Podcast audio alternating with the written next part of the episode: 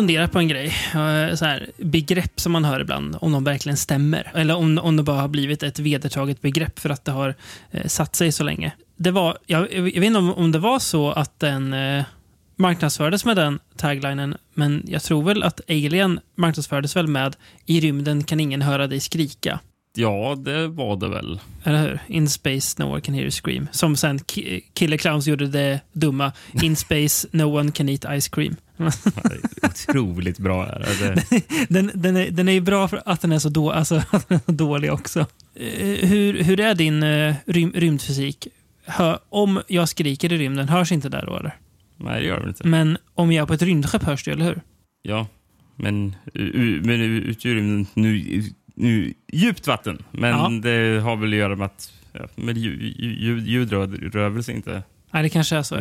Mm. Just ja. Sen, sen kan inte jag förklara hur det fungerar. Men Nej, väl det- liksom- men med, med, ljudvågorna. Finns inte, eller något, på något vis. Eller jag, jag, jag kan inte svara på det. Nej. Det- Men eh, Nej, men det, det, det, det, det, det brukar man ju höra folk nämna med eh, science fiction-filmer. Typ Mm. som i Star Wars när TIE Fighters och allting åker omkring och skjuter med laser och det bara mm, hörs explosioner och någonting. Egentligen Mm. ska det väl typ vara tyst. mm, Allt. precis. Helt tyst ja. Inte så roligt att kolla på. När det, Hade, hade sparat lite pengar i eh, budgeten och fått så här... Eh, hade, hade för att, kanske ja, men, tappat, eh, ta- tappat lite pengar ja, i... Det också kanske.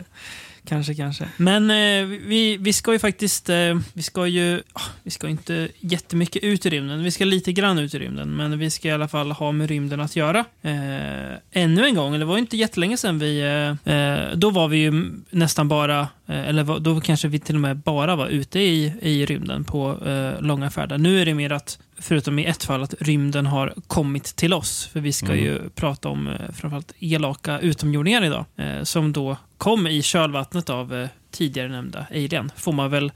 Eh, det, det är väl ingen eh, jätte, eh, jätte, jättestort kliv jag tar genom att säga det kanske. Nej, det låter 100% korrekt. Sen, kanske, man, sen ka- kanske det är hårt att kalla filmer för rip-offs, men man kan väl säga att de kom i kölvattnet av Alien i alla fall. Precis som, Ja, ja, men det, egen- egentligen så var det ju mer rip-offs på Alien i det ja, rymdavsnittet vi gjorde. Ja, det var det. Eh, Med, vad hette de som var, den här Corman producerade som var rakt Ja, men- av Alien? Creature var ju ganska lik. Ja. Eh, men sen... eh, ja, den ja. Uh, Galaxy of Terror. Eh, nej, For, Forbidden Planet. Eller Forbidden World kanske till och med. Forbidden World, ja. Ja, så var det. Mm. Ja. Som vi sen så också såg en remake på med Dead Space va? Ja, just det. Dead Ja. Space, precis.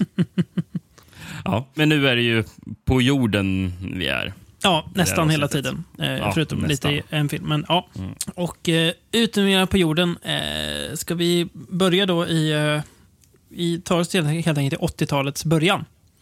Eh, 1980. Det här goa året när 70-talet inte riktigt eh, eh, lämnat än, men det är ändå inte riktigt 70-talet. utan Det är den här goa hybridlooken som eh, Mm. är här eh, ett par år i alla fall. Kanske framförallt 1980 då. Ska se.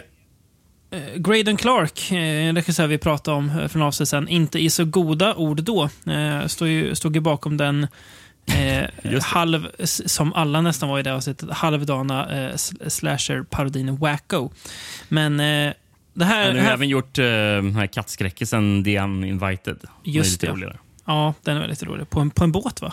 Mm, Har jag för mig att de är i den. Ja. ja. Eh, men han gjorde i alla fall 1980 en film som fick namnet Without Warning. The hunting season has begun. But the hunter isn't human. Only the prey are. It came without warning.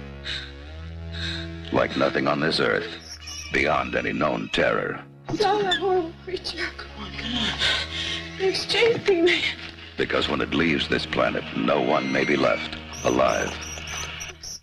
Look, I'm warning you. When they start eating on you, don't come to me for help. From deepest space it came. And now, man is the endangered species.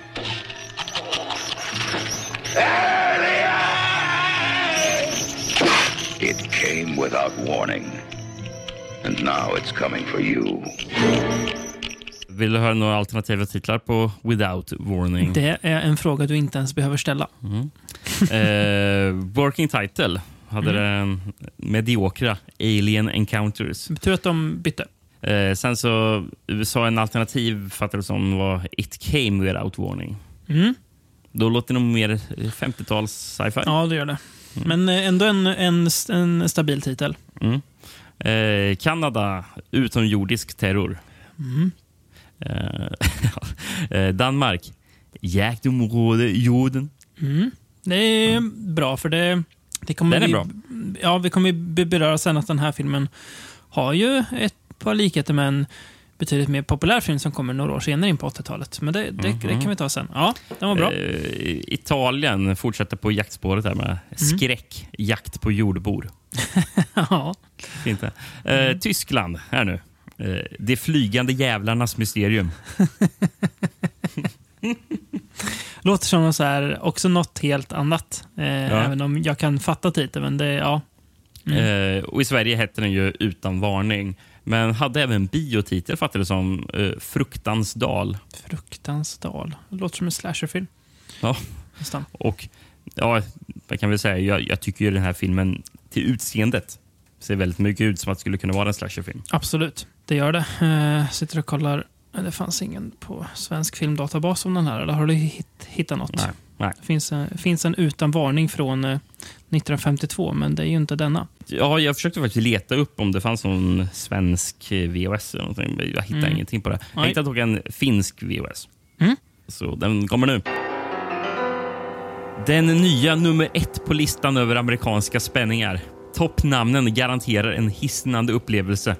En vild resa till dödens dal där djur förr jagades och nu är människor i bytet.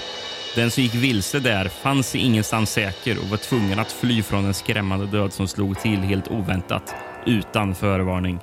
Eh, Jag gillar det här att det är liksom nya, nya nummer ett på listan över am- amerikanska spänningar. Genuint. Det blir så, det blir, så härligt. Eh, översättningen blir så härlig när den blir lite så här. Ja, men det, jag, jag tänkte snarare att, eh, att, att de så här, pu- pushar för att det här är nummer ett på Ja, du tänker så. Ja, att det är nya. Ja, just, ja. Vilket det kanske var någonstans, någon gång. Eh, vem, vem vet? Kan inte vara det där så värst länge. Nej, den blev nog undanknuffad. Det, alltså, det kommer ju lite andra eh, filmer som kan ha tagit upp ett varningsplats eh, kring den här tiden. Eh, så att, eh, Ja. ja. ja. Ehm, mm. Det var en tagline jag tyckte var bra på den. Mm. Earth is the hunting ground, man is the endangered species. Väldigt bra. Eh, och när du, ja, vi kan ju ta lite skådis först innan vi kommer in på det där, för jag tycker nästan vi ska ta det där spåret direkt. Eh, Det är ju det är framförallt två, två lite större namn eh, i Jack Palance och Martin Landau. Mm. eh, som spelar två ja, men, viktiga karaktärer. Man kan tänka att det är så att de gör...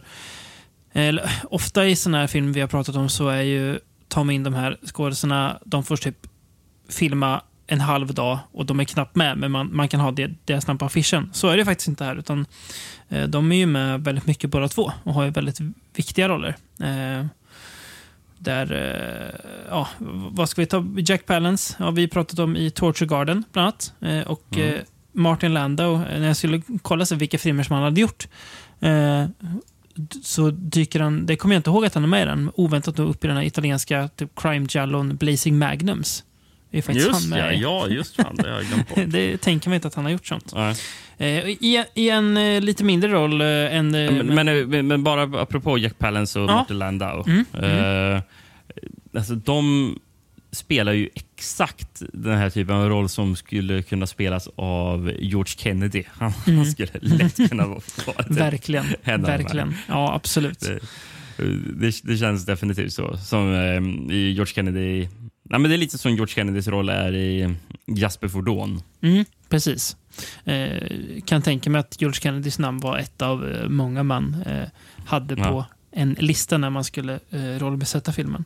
Eh, men en, en annan eh, poddfavorit dyker upp, eh, om än inte så, inte så mycket faktiskt, men han är heller inget affischnamn, vilket han kanske borde vara, men Cameron Mitchell Ja. dyker upp i alla fall inledningsvis i filmen. Han är med Som- bara i första scenen. Ja, men typ pr- prologen kan man väl Ja, nästan kalla det för. precis. När filmen eh, ska eh, visa för oss. Är, är det typ From Dust till Dawn 2 eller någonting som, som det står på typ affischen att eh, största namnet, eh, Bruce Campbell, Ja. med en scen. Ja, jag har för mig det. I början också va? Ja, precis. Bara, ah, okej, det var det. Ja, precis. Det är, ja, verkligen eh, att eh, casha in på ett namn utan att han knappt är med. Ehm, Ett annat namn som också är med här, som vi inte riktigt kanske cashade in på, som det var hans första film. mm, Eh, en 24-årig David Caruso dyker ju upp. precis, känd från den fina filmen Jade. Ja, han är med här.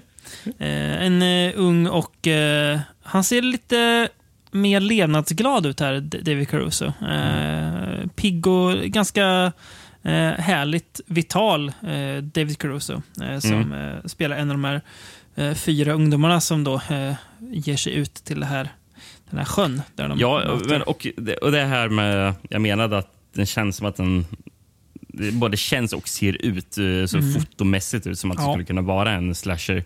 För, Absolut. Kä- kä- Känslan av är, är ju rätt tydlig. Liksom. Ung, Fyra ungdomar vid en sjö. Mm. Eh, nu är det en utomjording istället för eh, någon mördare. Då, men, Ja. Eh, men, men, men sen så är det också, man får- verkligen känslan av eh, så här tidig 80-tals slasher också av eh, de, som, de här ungdomarna. Liksom, de ser exakt ut som eh, ungdomar gör i en slasher. Och, de. eh, och när man kollar upp dem också. Så här skådespelare som har varit med i typ två filmer Mm. eh, är, är på alla de där. Det finns, i, finns ingenting på dem. Nej, så många av de här slasher eh, typ, eller figurerna och som var. Eh, Ja. Att de var med i ett, ett väldigt fåtal filmer. Eller bara, bara den, precis. Eh, filmen, eh, noterade när förtexten rullar att filmen har alltså fyra manusförfattare. Eh, Vilket man ju, det är ju inget man direkt ställer sig upp och jublar över rent eh, så här, instinktivt. Det är, ett- jag, tänker, jag tänker någonstans i ma- ma- magkänslan att det är, är ju inte ett så bra tecken kanske. Eh, jag vet inte, har, har du något på det eller? på vissa filmer står det väl kanske att inte, står kanske inte alla som har varit inblandade i manuset med. För i många av de här fallen kan det ju, när det står massor med manusförfattare Mhm. kan det också röra sig om att ja, någon hade ett manusdraft. Sen så var det en eller två personer sen som faktiskt skrev det färdiga manuset. Så Ja, Som gjorde rewrites och sånt, ja precis. Ja. så Men de här manusförfattarna, de har jag ju ingenting på. Nej. Det är bara en som har en egen Wikipedia-sida, Daniel, Daniel Grodnick. Mm. Eh, ja, det är ingenting som sticker ut heller. Eh, exec executive producer och story by på Terror Train. Ja. Eh, ja. Den story by är ju ganska vag eh, credit vad det innebär. In, innebär. Det känns typ som att den som går på grundidén och då ska ha cred för det. För att man gav eh, matfattarna en Ja, precis. idé Så går man, går man in på Terror Trains Wikipedia-sida så han står inte med på Nej. Britain by. Så, så Nej, precis. vilket... Um, nej, Han, kanske, han var eh, kanske kom in. Grabbar, jag har en, en idé här. En slasher på ett tåg. Ja, tack. Stopp. Och så, så gick de därifrån. Så fick han en liten, liten, liten story by credit. Men, Men det, här var eh, ju, men det var ju tidigt i hans eh, Mm. karriär och han jobbar ju som producent Mm. eh, eh, främst. Så, ja, Terror Train är ju samma år som den här. ja, just det. det. Eh, och på, på den här, på, på Without Warning så är han som co- co-producer. Mm. Eh, och sen så var det så här. Det här är ju förresten hans första film. Det här, det här är, det här är luddig eh, credit att ha. Assistant to producer. Låter som något som Dwight Schrute skulle kunna vara i amerikanska The Office. Assistant Ja, ja, ja, men precis. Ja, men, eh, alltså, assistant director förstår man ju typ. Mhm. Ja, men, men, men när det finns både så här pro, producer och eh, executive producer, men Mm. det där assistant, assistant producer. Nu, nu vi på Nu är det tunn is. kompisjobb bara. Ja, men vi kan sätta ditt namn för att, att vara schysst och så får du, får du Ja. vara va, med lite när vi gör filmen Ja. också kanske. Men så, nej, ingenting på författarna Nej. har vi inte. Men, Men eh, en, eh, ett annat namn som dyker upp som ju är intressant eh, i den här filmen, särskilt med tanke på... fotografen tänker du på va? Nej, jag, jag tänker på... eh, Ja, just det, för tusen. Ja, eh, absolut. Eh, vem har du där då, Rickard? Dean Candy. Mm. Som, eh, ja, han fotar ju väldigt mycket åt eh, Carp- John Carpenter. Mm. Eh, och han hade Bör- jobbat mycket med Graydon Clark också, för det var den femte och sista gången han jobbade tillsammans Mm. med honom. Just det. Började Carpenter och Candys eh, samarbete med Halloween, eller var det, hade de redan gjort film ihop då? Jag vet inte. Ja, det jag har ingen koll på. Men sen så även på soundtracket så är det Dan Wyman som gjorde soundtracket till Gräsklipparmannen. ah, just det. Trevligt. Det hade jag missat.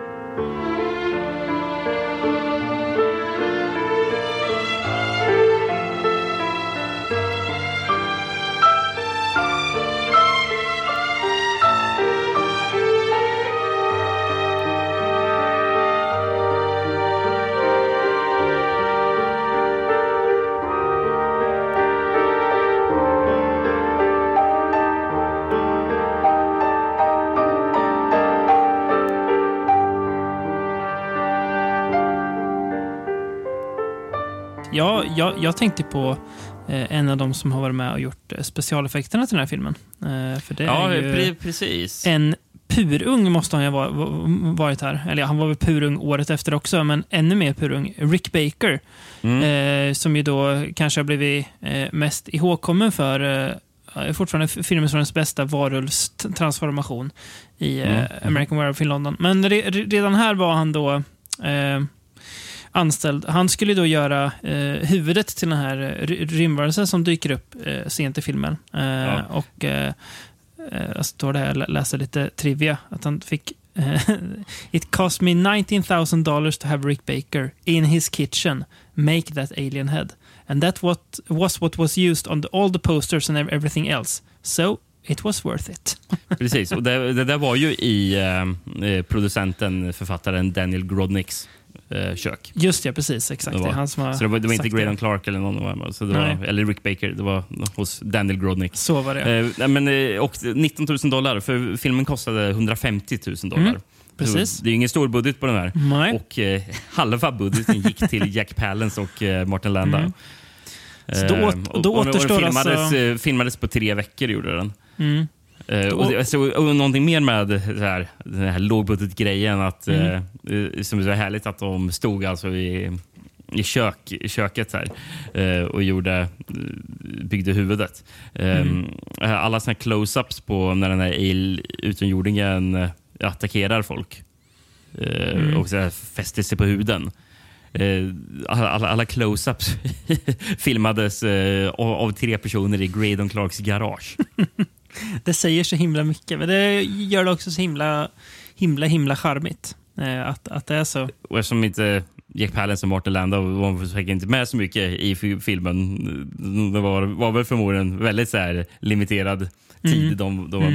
med. Eh, så när det var så här long shots man inte såg deras ansikte Mm. eh, och n- när de typ ja, springer från alien eller någonting så Mm. eh, då är det Graydon Clark som är buddy double till dem. Till båda två alltså. Ja. Ja, det är ju det är underbart ju. Ja, det är, ja, det är ju... Men det är, men det är ju också en härlig film. Är det? Ja, det tycker jag också. Den är... jag, jag eh, gillar den. ja, Den har, den har en, den här, alltså, det, återigen att det känns som en slasher, men den har, den har ju den här härliga känslan av en tidig 80-tals slasher. Mm. Det, det är någonting eh, svårt att inte tycka om med det. Precis. Sen, sen ska man väl säga, eh, det, här, det här, som jag säger nu, är in- inget, inget negativt, men det är ingen särskilt eh, actionspäckad film. Det är ganska långa partier där det inte händer så mycket. Men jag tycker att filmen kompenserar för, för att den har, ja, men det kanske är lite i det där du säger, nå- så svårt att beskriva, men någon slags stämning som är väldigt härlig. Och den känns hela tiden ganska ganska spännande faktiskt. För att man introducerar ju hotet väldigt tidigt, eller direkt, direkt egentligen. Så det, vi, vi, vi går inte och väntar på att det ska komma, utan det, det kommer direkt. Och sen är ju karaktärerna jagade av de här små flygande, spinnande diskarna eh, till eh, aliens eh, hela filmen i, innan den stora sammandrabbningen då i slutet med eh, Big Boss Alien. Ehm, det, det fin- jag, jag har skrivit, det, skrivit att den är lite så mysigt, lite så här småtorr, fast på det goa sättet. Att det liksom, ja men det, det är bara, det är bara gött liksom på något vis. Eh, att det behöver inte hända så många stora vändningar i intrigen för att jag ändå ska tycka att det här är, det här är riktigt trevligt. Sen måste man säga, den har ju jävla snygg poster. Ja, det har den. Den här, den är, tycker jag är otroligt snygg. Den skulle man kunna ha på väggen. Den här, eh, Ja, verkligen. Eh, är ju, det är ju så här, man fattar ju det som eh, Grodnick säger där, vad, vad, vad glad han är över att de kunde ha det här alienhuvudet på posten. För att posten måste ju ha eh, sålt in filmen väldigt, eh, väldigt bra. Alltså eh, bidragit till att den har gått bra. Den är riktigt tuff. Jag, jag, jag hade ju gått och sett den om jag såg den postern. Ja, lätt. Ja, den är svinhård alltså. Ja, ja. ja, den är riktigt snygg. Man skulle kunna fastna i det länge också, men vi måste ju prata lite också. Inte bara sitta här och dregla i lyssnarnas eh, öron. Eh, nej, men jag, jag, jag, jag gillar den. Jag tycker det, det finns mycket att gilla. De här små snurrande aliensarna, de ser ju ganska... ser ju lite... Jag vet inte. Fåniga ut, men det är också på ett Ja, charmigt men sätt. det, när de väl attackerar och fäster sig på människorna, jag tycker Mm. det ser väldigt äckligt ut också. Ja, det gör det. De, Det de, gör det. de har lyckats bra med Mm. Att få det att kännas ja, vid- framförallt vidrigt. eh, de här scenerna när Jack Palance ska skära bort dem från, från kroppen. Han tar Mm. någon jaktkniv han har med sig, eller en fiskekniv, och bara eh, sågar i, i de där slemmiga grejerna. Så rinner slime och blod och grejer. Så jo, men de ser ganska äckliga ut. Eh, och sen när väl eh, rymdvarelsen, den stora, då kommer i slutet så ja, den ser ju, ser ju rätt cool ut också.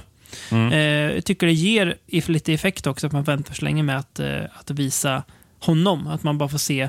Eh, för han, han skickar ut de här små, små sakerna för att göra sin, sina en ändamål. Då. Ja. Och, Och eh, då kan man ju ta, ta det, för, Ja. för jag, jag tyckte det lät som att du hade koll på vem som, som är i dräkten Mhm. till den där Mhm. utomjordingen. yes, det har jag. Han heter ju eh, Kevin Peter Hall, va? är väl Mm. namnet. Eh, och Without Warning är väl inte den... Eh, om Kevin Peter Hall kommer till eh, så här, typ sci-fi-mässor och så, eh, det är då man ska gå fram med en Without Warning-affisch. För det är ju det är inte det, det är inte det han kommer skylta som, utan han kommer skylta som att det är han som spelar Predator i den filmen. Ja. Eh, och handlingen är ju, alltså det här varför rymdvarelsen är på jorden är ju identisk. För att i Without Warning, den ska komma för att plocka hem mänskliga, eh, eller plocka hem troféer eh, och jaga människor helt enkelt. Mm, mm. Eh, sen, sen säger väl varken du eller jag något om att Predator har snott eh, därifrån with- Without Warning. Men man, man gillar ju tanken att för en gångs skull så är det eh, storebror som snor från lillebror och inte, inte tvärtom. Eh, men eh, det är tips till alla. Om Kevin Peter Hall dy- dyker upp en mässa så ta för tusan inte med något, något, något, något trött så här, eh, 4K U- UHD av Predator. Utan då, då, tar ni med, då skriver ni ut affischen till Without Warning och tar med. Då kommer han bli trevligt eh, överraskad tror jag. För han är säkert eh, trött på att signera Predator. Nej, det är han nog inte, men det är kul att överraska, tänker jag. Ja, jag håller med. Vill du röra dig vidare, Rickard, eller har du mer att säga om Without Nej, jag, Warning? jag tycker inte att jag har så mycket mer att säga. Nej. Det, är, alltså, det, är en, det är en mycket trevlig film. Mm. Eh, passar jag bra om man ska köra den här um, sommarfilmsmaraton. Exakt. En... Så, om vi, nu, nu när vi snart är inne i juli. Mm. Så vi, om man ska köra den här. Vi hade ju för några år sedan när vi listade filmer som om vi själva skulle göra en sommarskräck Mm. maraton va? Mm. Eller någon, Precis. någon, något Ja, sånt upplägg. japp. Eh, och då, då, då tycker jag att Without Warning skulle passa Mm. väldigt bra. i en sån. Det tycker jag också. Jag har den där goa, goa känslan. Det, är, det är lätt den somrigaste av de här sex filmerna vi ska prata om. Oh ja. Eh, oh ja. Absolut. Ska vi då eh. röra oss till en film som inte är så somrig? Nej, den är noll, noll somrig. Det är ju den som då inte ut, ut, utspelar sig på jorden. Eh, 1982 eh, har vi då filmen, eh, den eh, brittiska produktionen, eh, Inseminoid.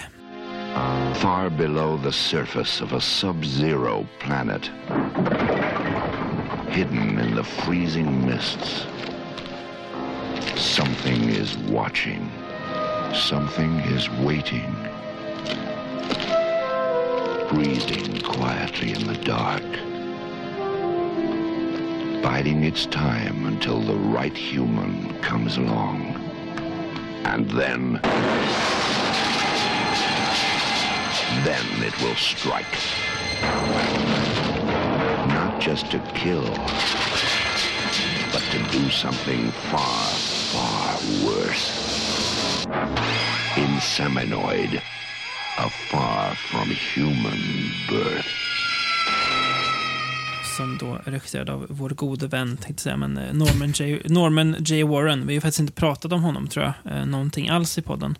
Nej, det Eh, har vi kanske inte gjort. Konstigt nog. Han har ju ändå ett par intressanta filmer att Ja. avhandla, men inte Vi har ju sett dit. den där Terror.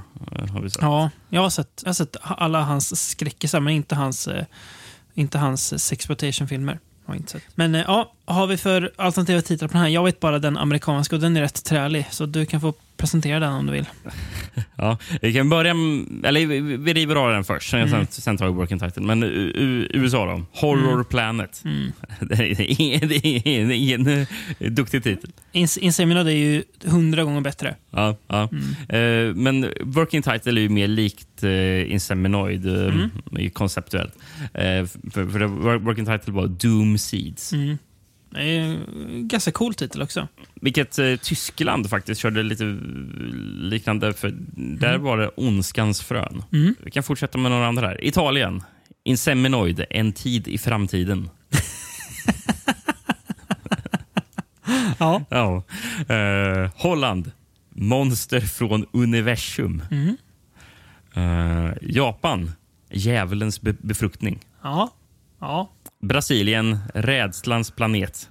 Och här kommer de två sista. Eh, Grekland kör rakt på med utomjordisk våldtäkt. Ja. eh, De eh, skyr ingenting när de ska sälja in en film, grekerna. Tänk, tänk liksom... Svår, svår, svårsåld titel. Ja. Ska, en, ska en film heta Utomjordisk våldtäkt i, i Sverige? Eller, eller, eller, eller tror du att det hade gått hem i England om filmen hette Extraterrestrial Rape? Då tror, jag inte att, då tror jag inte ens att BBFC eller vad det heter hade kollat på den. Utan de, de hade bara släpat på förbjuden direkt.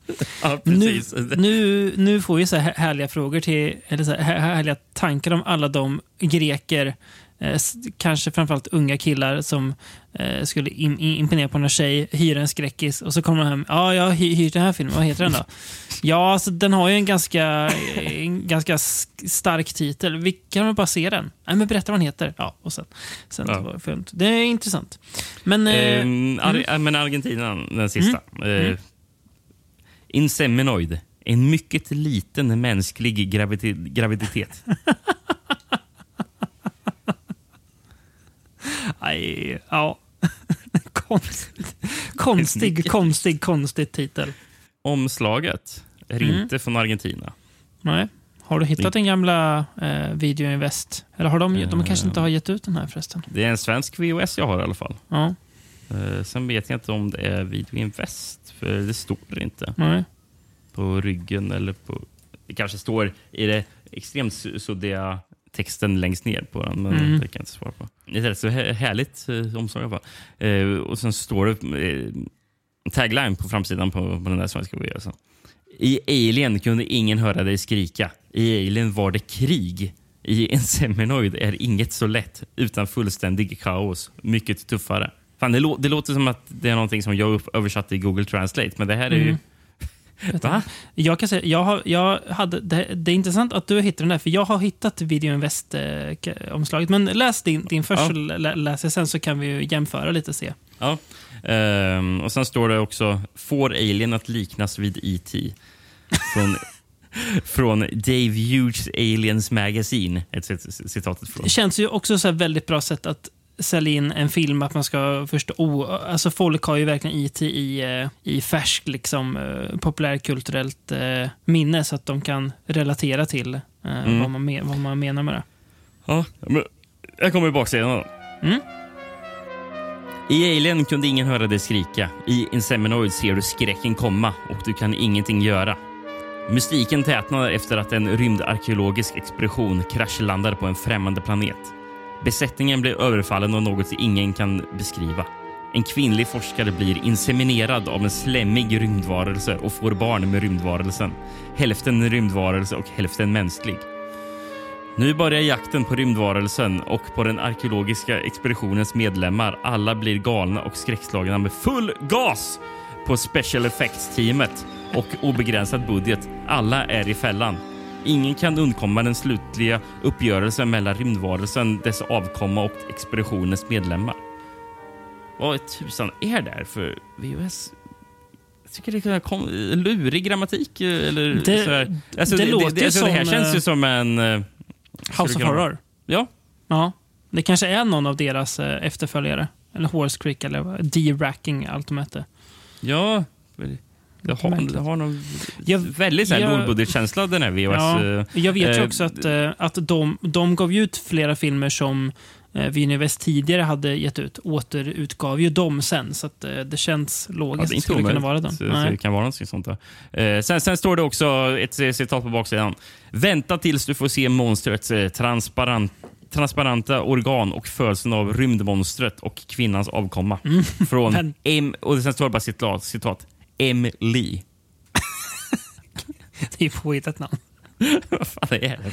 Men eh, hur ser omslaget ut? Kan du beskriva hur det, vad är det på framsidan? Alltså, grejen är att det är, det är en litet foto på en som är från filmen, eh, på en kvinna som står i rymddräkt. Och sen Som, det- som, som, som ser rädd ut.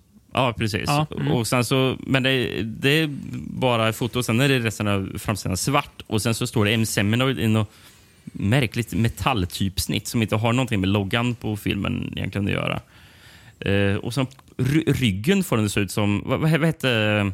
Var det Vipco som släppte de här eh, om, omslagen med dödskallar på? Mm, ja, precis. Den har lite den känslan, i, Ja. i, i alla fall i ryggen. Jag har hittat ditt i Thomson nu. Det är Odox som har gett ut den. Eh, Odox, okej. Ja, och de, jag tror att Odox är typ samma gäng som... eh, Ja, lite, lite samma gäng som eh, gav ut eh, de här ha, eh, House of Horror. De här.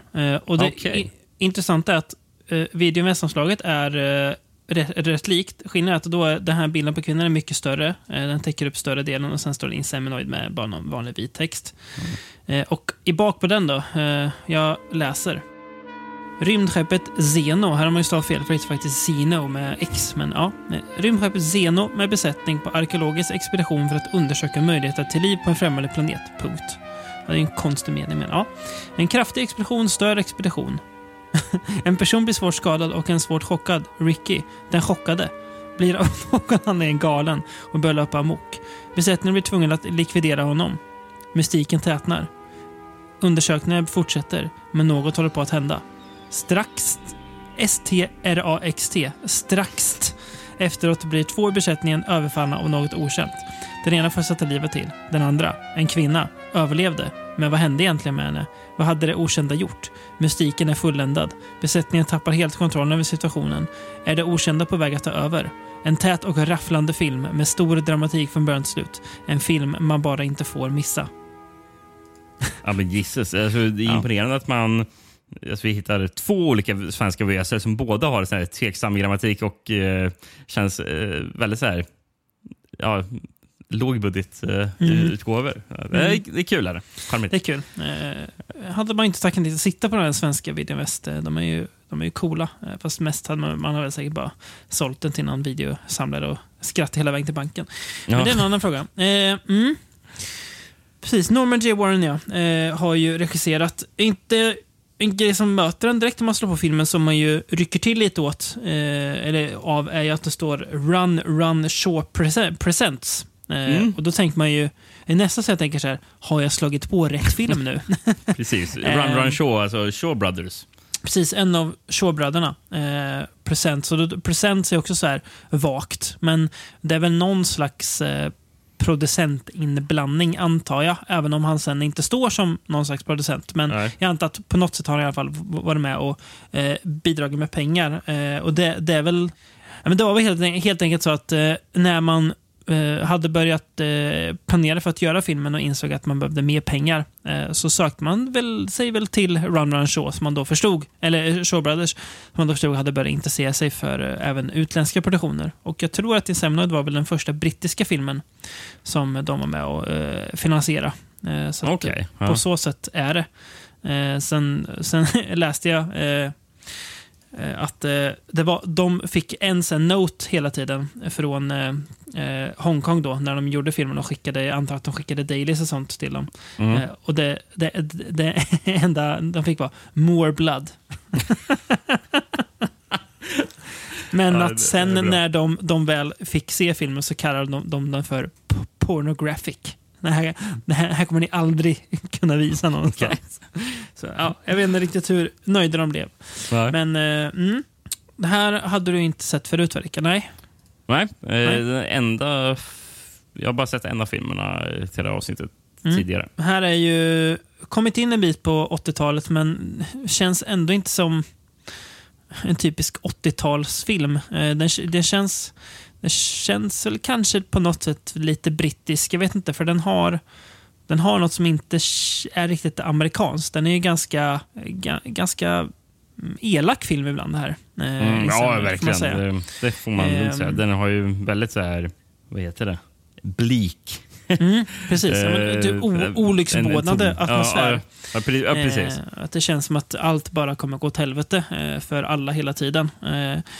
Eh, det är, den är ju ganska våldsam. Eh, den här våldtäktsscenen är ju inte, den är inte, särskilt, den är inte explicit alls. Så det, det, det låter ju värre än, än vad det är. Det är något Mm. mer som antyds eh, än, än som visas. Men sen kommer ju då en en alien-födsel. Men eh, det finns ju en film eh, som kommer efter det här som eh, vars födselscen kanske snor rubrikerna lite mer. Vi kan väl Mhm. bara säga så.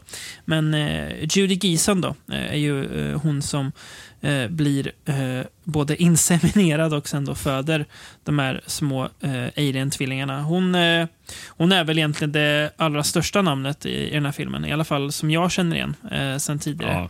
Det är inte många namn som jag reagerade på här. Nej. Det har vi Jennifer Ashley. Det är väl Mm. kvinnliga huvudrollen annars. Ja. Hon är med i Phantom of the Paradise och Guyana, Crime of the Century av René Ca- Cardona Jr.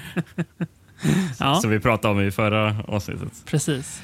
Eh, och sen så Steven Greaves. Jag reagerar på att han spelar Hamlet i Highlander 2. Det måste vara den här scenen då Sean Connery dyker upp på teaterscenen. Mm. Från, från ingenstans. Eh, Tillbaka till liv. Here hung those lips that I have kissed I know not how oft. Sir, whatever you gentlemen felt for each other when your friend was still alive is certainly none of my affair. What's your fucking game, shithead? Shithead? What's a shithead? Men annars, nej. Jag, Nej. Skådisarna sa inte så Uh. Judy Geeson gjorde ju lite allanda eh, goa filmer eh, framför på 70-talet. Hon dyker även upp i Lords of Salem sen, som en av de här Mm. eh, äldre kvinnorna som eh, bor i samma hus som eh, Sherry Moon Zombie gör. Så där är hon med också. Eh, och hon är ju också, hon är också den jag tycker är eh, klart bäst i filmen. Den Mm, mm, skådis som lyser starkast. Jag tycker hon eh, funkar väldigt bra. Som, eh, hon, hon blir ju typ antagonist ju, eh, ju längre filmen går. För att hon, hon gör ju eh, utomjordingens ändamål också. Eh, Ja, ja. Det är hon, eftersom att hon, hon vill ju att de här små eh, utomjordingsbebisarna ska få, ska få leva. Men annars eh, tycker jag det är ett tre- trevligt synt-sound- synt-soundtrack till den här.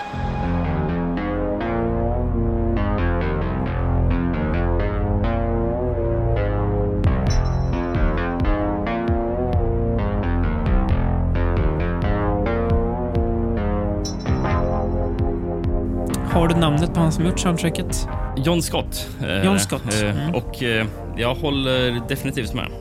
Jag tycker det är bra musik nästan alla filmer i dagens Mm. avsnitt. Japp. mm, Värt att kolla upp samtliga. Nej, men, men John Scott kanske mer känd för att han gjorde soundtracket till den här filmen Waking Fright. Mm, och även den här The Final Countdown. just det. Katastroffilmen typ, eller? Nej, det är väl nog Eller är mer... det inte Det ser ut som det på om- omslaget. alla Ja, nej, men det, jag har för mig att det är, det, det, det är ett modernt stridsskepp som uh, åker tillbaka tiden och hamnar, mm, hamnar några timmar före japanerna attackerar Pearl Harbor. Ah, så är det. det nu lät, blev vi sugen på att se den filmen. Det lät ju väldigt intressant. Ja, den, ja. Eh, och sen så har han även gjort musik till den här Van Damme-filmen Lionheart. Mm.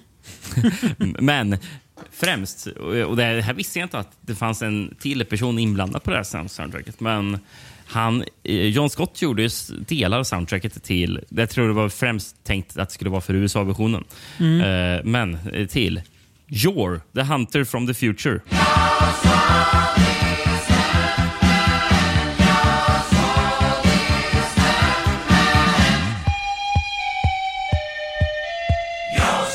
Oj. Till den alltså. Ja, jag, jag, jag trodde det bara var Oliver Onions. Ja, jag eh, trodde som hade också. Men eh, John Scott eh, står med faktiskt. Ja, då har han väl gjort någon, någonting i alla fall. Då. Men, Mm. men, men till just den här filmen, eh, så apropå soundtracket, så Norman J. Warren ville ju ha ett eh, orkestralt eh, soundtrack. Mm. Men det tillät väl inte riktigt budgeten att det skulle bli. Nej. Så det var Jo- John Scott som föreslog, men vi kan prova med, jag, jag har ju lite syntar. Mm. Att det, det går lite mer åt liksom Carpenter-hållet, kan man säga Mm. då kanske. Mm. Eh, precis, det lä- läste jag också någonstans. Han som har fotat filmen, Mm. eh, John Metcalf. Mm. Eh, jag, jag läste fel först när jag såg hans namn. Jag tyckte han hette Metal Café i efternamn. eh, Nej, men han, han, han har ju jobbat med Norman J. Warren tidigare, till exempel Mm. på eh, Satan's Slave Mm. från 76. Eh, men sen så har han även fotat Rawhead Rex. Mm. En, en, en film som man vill tycka är bättre än vad man gör. Ja, precis. Den är Den har ju- inte så bra. Nej, den är tyvärr inte det. Men det var ju, som du sa, eh, arbetstiteln på den här filmen var ju Doomseeds då. Eh, men, mm, då kände ju producenten, nu har jag inte skrivit upp hans namn här. Eh, han Richard Gordon, eller? Richard Gordon, precis. Han kände väl att det fanns vissa saker i manus som eh, inte riktigt eh, funkade helt, så han eh, begav sig till USA för att ta lite hjälp med att skriva om. Eh, vet du vem han fick hjälp av då? Det kan jag inte svara på. Nej. Ken Wiederhorn, alltså han som har gjort Shockwaves. Eh, han var Jaha, med oj, och gjorde ja. rewrites, men jag tror inte att, att han har någon eh, writing credit på eh, filmen. Eh, I alla fall inte i förtexten, utan det, det är väl det här paret. Eh, eh, vad är de heter nu igen? Mick och Gloria. Ska jag kolla vad de heter. Nick och Gl- Gloria Maley. Exakt, de, det är de som har skrivit. Ja, precis. De har skrivit, men främst var ju de makeup artists. Exakt, Var de. framförallt ja. Vet du vad de Eh. har gjort makeup till? Eh, påminn mig. Jag har läst det, men jag har glömt det. Eh, Star Wars. Just det.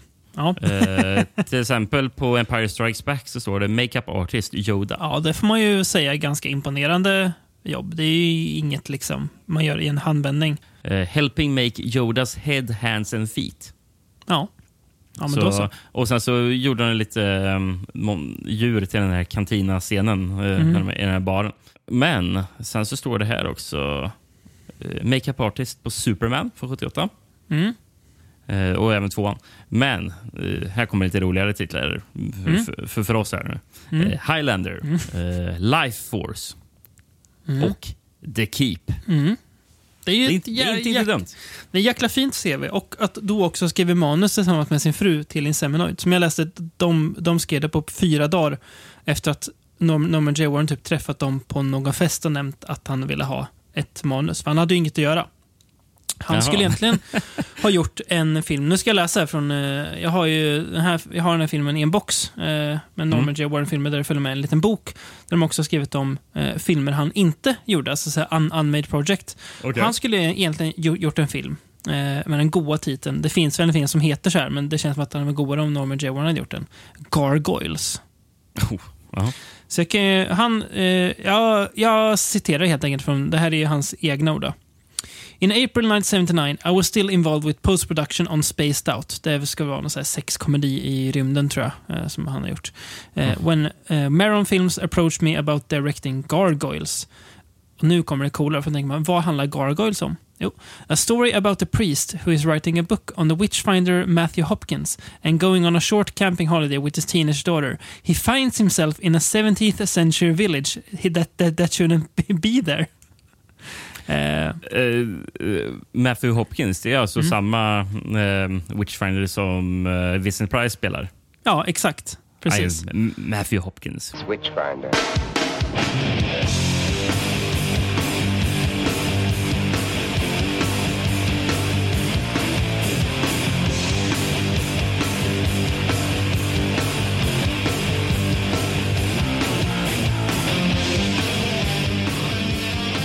Eh, och eh, sen, tanken var då att han, han skulle regissera, han skulle skriva lite material. Eh, och precis när de hade hittat ett eh, så här, lämpligt ställe att filma på så bara försvann båda producenterna. Och no no Norman J. Warren skriver I've never seen or heard from them to this day. så de bara försvann. Men då hade han och eh, Ri- Richard Gordon eh, ändå så här, men vi vill ändå jobba ihop så att eh, vi får hitta något annat projekt och det blev då Inseminoid. Okej, Eh, ja. Kul att du nämner eh, Vin- Vincent Price. Lite bonusinfo bara om Norman J. Warren. När jag läste lite om honom var jag tvungen att skriva upp det. Han skulle egentligen redan 1974 eh, gjort en film eh, som skulle heta eh, The Naked Eye med Vincent Price. Jaha, Men eh, ja, det blev budget, budgetproblem. De, de, de fick inte finansiering, så det blev inget. Så han har väl fått eh, erfara en del projekt som har gått ganska långt, men sen inte blivit något. Mm. Så det är intressant. Ehm, vet du hur de marknadsförde Inseminoid? Delvis. Nej, jag kan inte var svara på. väldigt intressant. Man ville ju... Det var ju...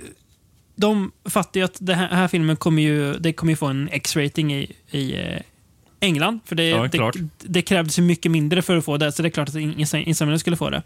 Tänkte, hur ska vi då, då få publik? Eh, jo, de körde en minst sagt aggressiv marknadsföring. Att de tryckte upp flyers Eh, där det på ena sidan stod eh, ett typ budskap, eh, såhär, lite så här, ja, men, eh, vänd för att läsa om eh, nästa alien terror.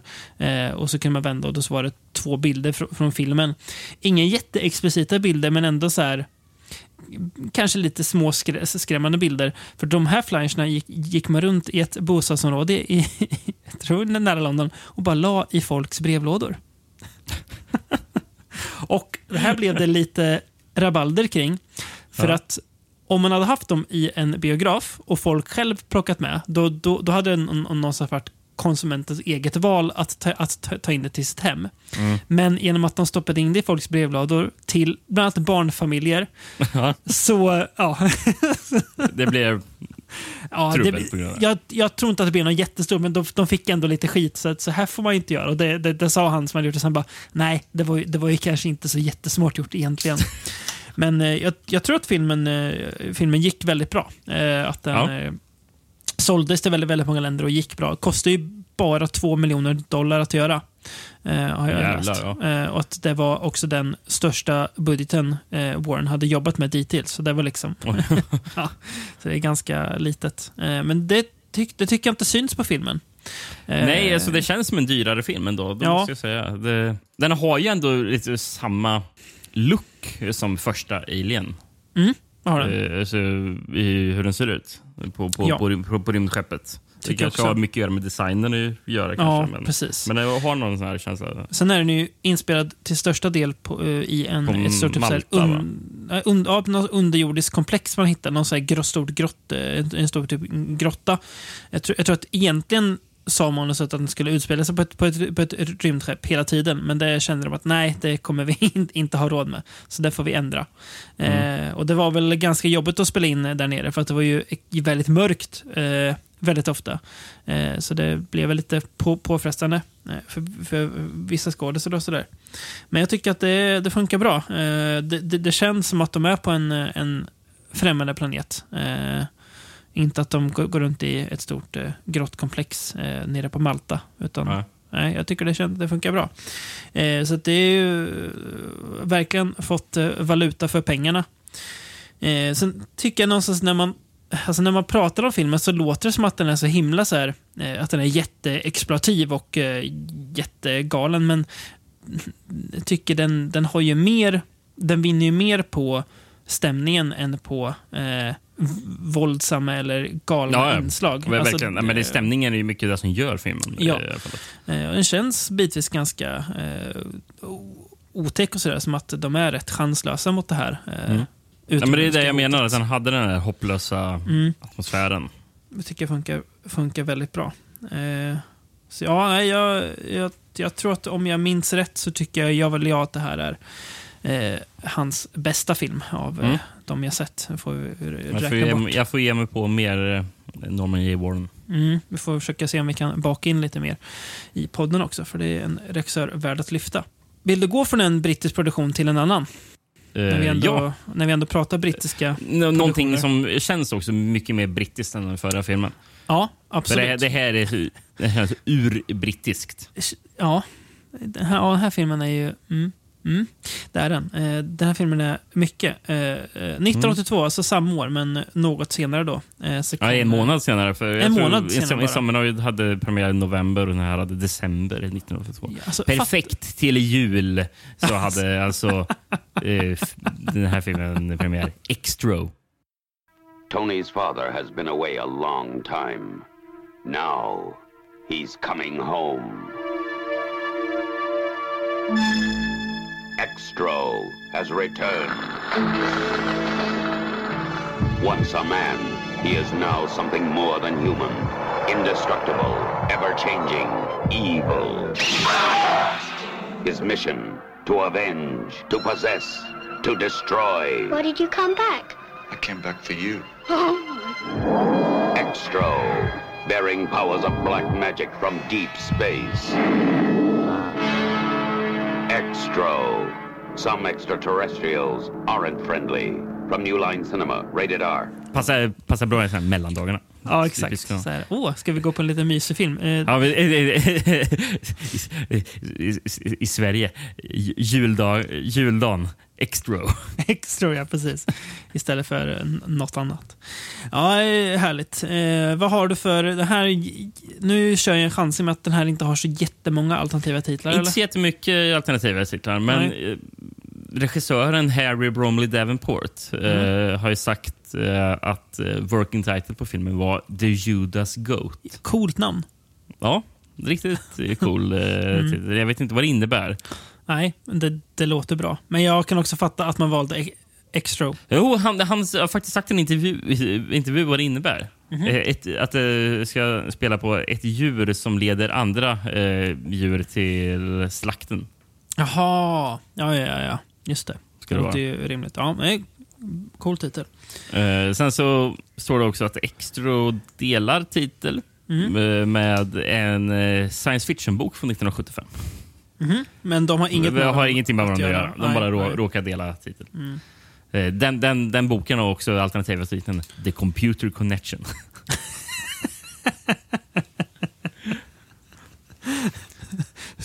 Torr bok att sitta och läsa. Ja, det låter Vad inte så jätteroligt. Jag läser The Computer Connection. Fruktansvärt ord.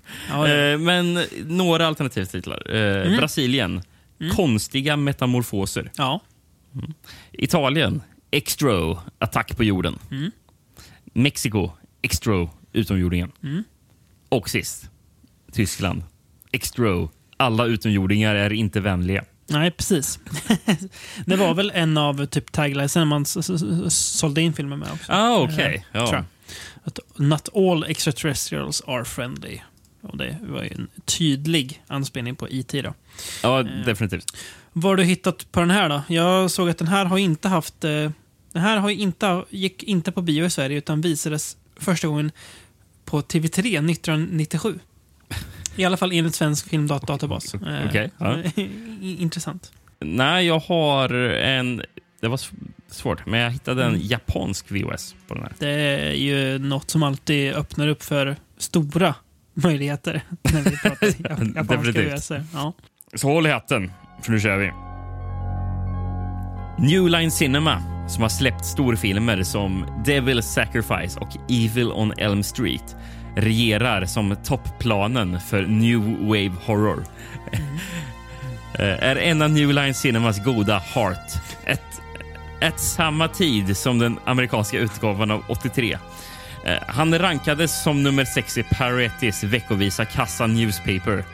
At Bali International Fantastic Film Festival i år vann hon Golden Unicorn, priset i Grand Prix och gav en sensationell historia till sci-fi skräckfans eh, runt om i världen.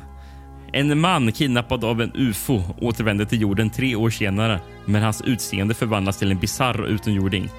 Han återförenas med sin familj, men sedan dess har det funnits en serie samvetslösa fenomen runt honom och slutligen ett chockerande slut.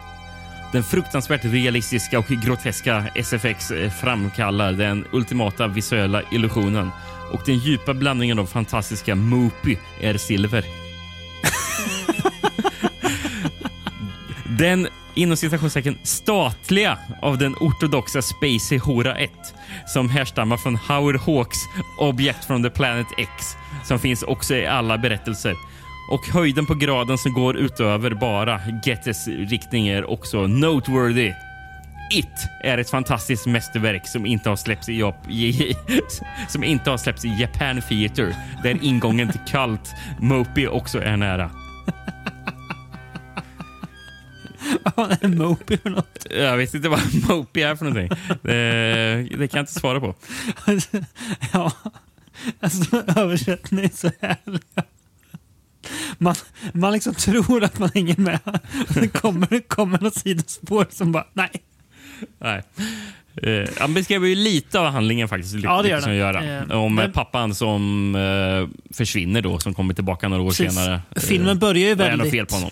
väldigt förvirrande med att den här pappan eh, blir uppstrålad i rymden när hans son ser på. Eh, kommer han tillbaka Mm. lite senare, då har morsan träffat en ny. Eh, men pojken saknar sin pappa. Men det visar sig att han har ju eh, någonting med sig då. Eh, för att det är ju inte bara pappa som är tillbaka, utan det är ju även eh, något mer eh, som kommer med pappan tillbaka till jorden Ja, kan man säga. Mm. Ehm, den här filmen har ju, som jag hintade om då när vi pratade om Inseminoid, en födelsescen som är minnesvärd, kan man väl minst sagt säga. Ja.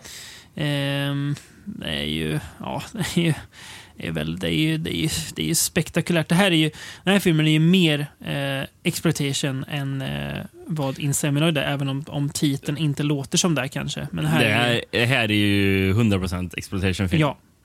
Eh, vi, vi fick faktiskt lite från eh, vår gode kollega, lyssnare av en, eh, Roger Möller. Eh, han ville, när han visste att vi skulle prata om extra så ville han bidra med lite, lite trivia. Eh, Jaha, som är taget från här, du vet, en av de här dokumentärerna, In Search of Darkness. Du vet vilka jag menar va? Med mastodontdokumentärerna om 80-talsskräck. Ja, just det. Den ja. Mm. Då är det del tre då, eh, som han också skriver, som klockar in på fem timmar och 40, 42 minuter. Säger. Men där eh, pratar de lite om extra. Och den här förlossningsscenen, eh, tydligen i en tagning, eh, mer eller mindre. Och navelsträngen är gjord av spaghetti. Får man veta där. Jag återkommer li, li, Ja. lite sen till lite mer eh, trivia-bitar från Roger, men eh, det är en, en bit i alla fall. Mm, mm. Nej, men det är ju det är en väldigt... Eh, det är ju, man förstår ju någonstans att eh, var det ganska tydligt att Harry Bromley Davenport och hans gäng har förstått att vi måste liksom eh, köra, köra gasen i botten i vissa eh, bitar i den, i den här filmen eh, för att eh, den ska sälja bättre. För vi vet att vi står mot mycket större krafter eh, och då måste vi ha något som sticker ut. Och det kan man väl eh, lugnt säga att, eh, att, att det här gör. Mm. Sen, du, du sa det, att det, det, det, finns en väldigt brittisk den här filmen och det är så konstigt för det är någon slags blandning mellan så här jätteexploitation, äckel, skräck tillsammans nästan så scener som lite så här diskbänksrealism. Ja. När, de bara, när de bara är he- hemma hos familjen och liksom snackar och sådär. Det är så himla skev ton i hela filmen. Det är något Mm. som så här, det känns som att det här är någonting som inte riktigt är rätt med den här Ja, filmen. Mycket ser så jävla sunkigt ut. Och, och bara, bara, det här ser, det ser väldigt brittiskt ut. Ja, det gör det. Väldigt brittiskt. Och väldigt så här, tidigt 80-tal. Det känns, det känns som att... Torr look i hela filmen. Torr brittisk look. Ja, i- i- inte, man, man jobbar inte med, med mycket starka färger. Här, här är inte. Här är liksom blekt och grått. eh, Ja. Så känns som en, heter han Ken Loach, han som gör mycket så här Ja, deppig brittisk ja. arbetarklassfilm. Eh, men det, sen är det ju också... Det är, Men, men intressant nog, den här är ju faktiskt fotad av eh, John Metcalf, eller John Metal Café, Mm. eh, som fotade i Seminoid. Eh, Han, han återvände faktiskt här. samma fotograf, ja. Mm. Eh, kan tänka mig att han hade väl kanske lite andra instruktioner här. Var, tanken var väl att det skulle se lite annorlunda ut. Jag, jag tycker att det, det funkar eh, på något vis. Att den ser så himla eh, sunkig ut också. Eh, Det ger filmen någonting i alla fall. Eh, sen det, det det ju- bidrar i alla fall till filmens väldigt skeva Ja, men precis. Skeva Eh, ton, ja. Eh, Mm. Sen är det ju, så konstiga sidospår i filmen som dyker upp och sen inte riktigt tar vägen någonstans. Som att den här ungen det handlar om. Eh, heter han Tony? Ja, precis. Eh, han har en orm som eh, bara, bara rymmer en, en gång i filmen och, och hamnar hos grannen. Men sen är det liksom inte så mycket mer med, med, med det. Jag vet inte om man skulle så här, skulle det vara en liten läskig bit att ormen var borta och kanske farlig, men, men de, de ger liksom ing- inget med Ja, fast, det så här, fast, ja. fast det kommer ju tillbaka som chockvärde. Då är det mormorn som har ihjäl ormen. ja, precis. Det har jag faktiskt. Som man, som man får se. Eh, Och, Exakt. så, och det är bara... Då vet man, det här är exploitation-film. Japp, det är det. Vi, vi, vi, vi bara, utan egentligen att ha någon koppling till resten av filmen, bara ska ha en scen där vi dödar ett djur. Nu, Japp, nu, är, det inte, japp. nu, nu är det väl inte en riktig orm de dödar, men, men, men, men ändå. Liksom, det är bara... Det, här, det, här har egentligen inget syfte. Det fyller inget syfte där. Inte alls. Inte alls. för, förutom till att göra att den filmen känns väldigt skitig. Ja, precis. Det är bara det. Men, intressant. eh, Eh, intressant och de, de var ju faktiskt tvungna att byta orm eh, under inspelningen. För den, den första rymde och dog. Jaha, ja. Så att, På två eh, ormar med. Så, och tydligen, om man vet det, så ska man kunna se att det där är inte samma orm de har igen. Men ja, Okej, ja. Ja. det var ingenting. Jag Nej, inte ingen ormexpert, så det Nej. såg inte jag. samma här. Ehm, men apropå att, eh, det här med att det är en exploitation-film och sådär. För vet ju en, en, en, man man ändå eh, tycker om, eh, men en person som verkligen inte tyckte om exploitation-film. Eh, Han har väldigt svårt för exploitation-film. Mm. Vet du vem det är? Eh, känns som att det finns många. Vem, vem Ja, tänker du på? Men som ofta brukar kunna nämnas här i podden. Det är ju Roger Ebert. Ja, just det. Mm. Eh, han, han, han hade ju väldigt svårt för Japp. exploitation.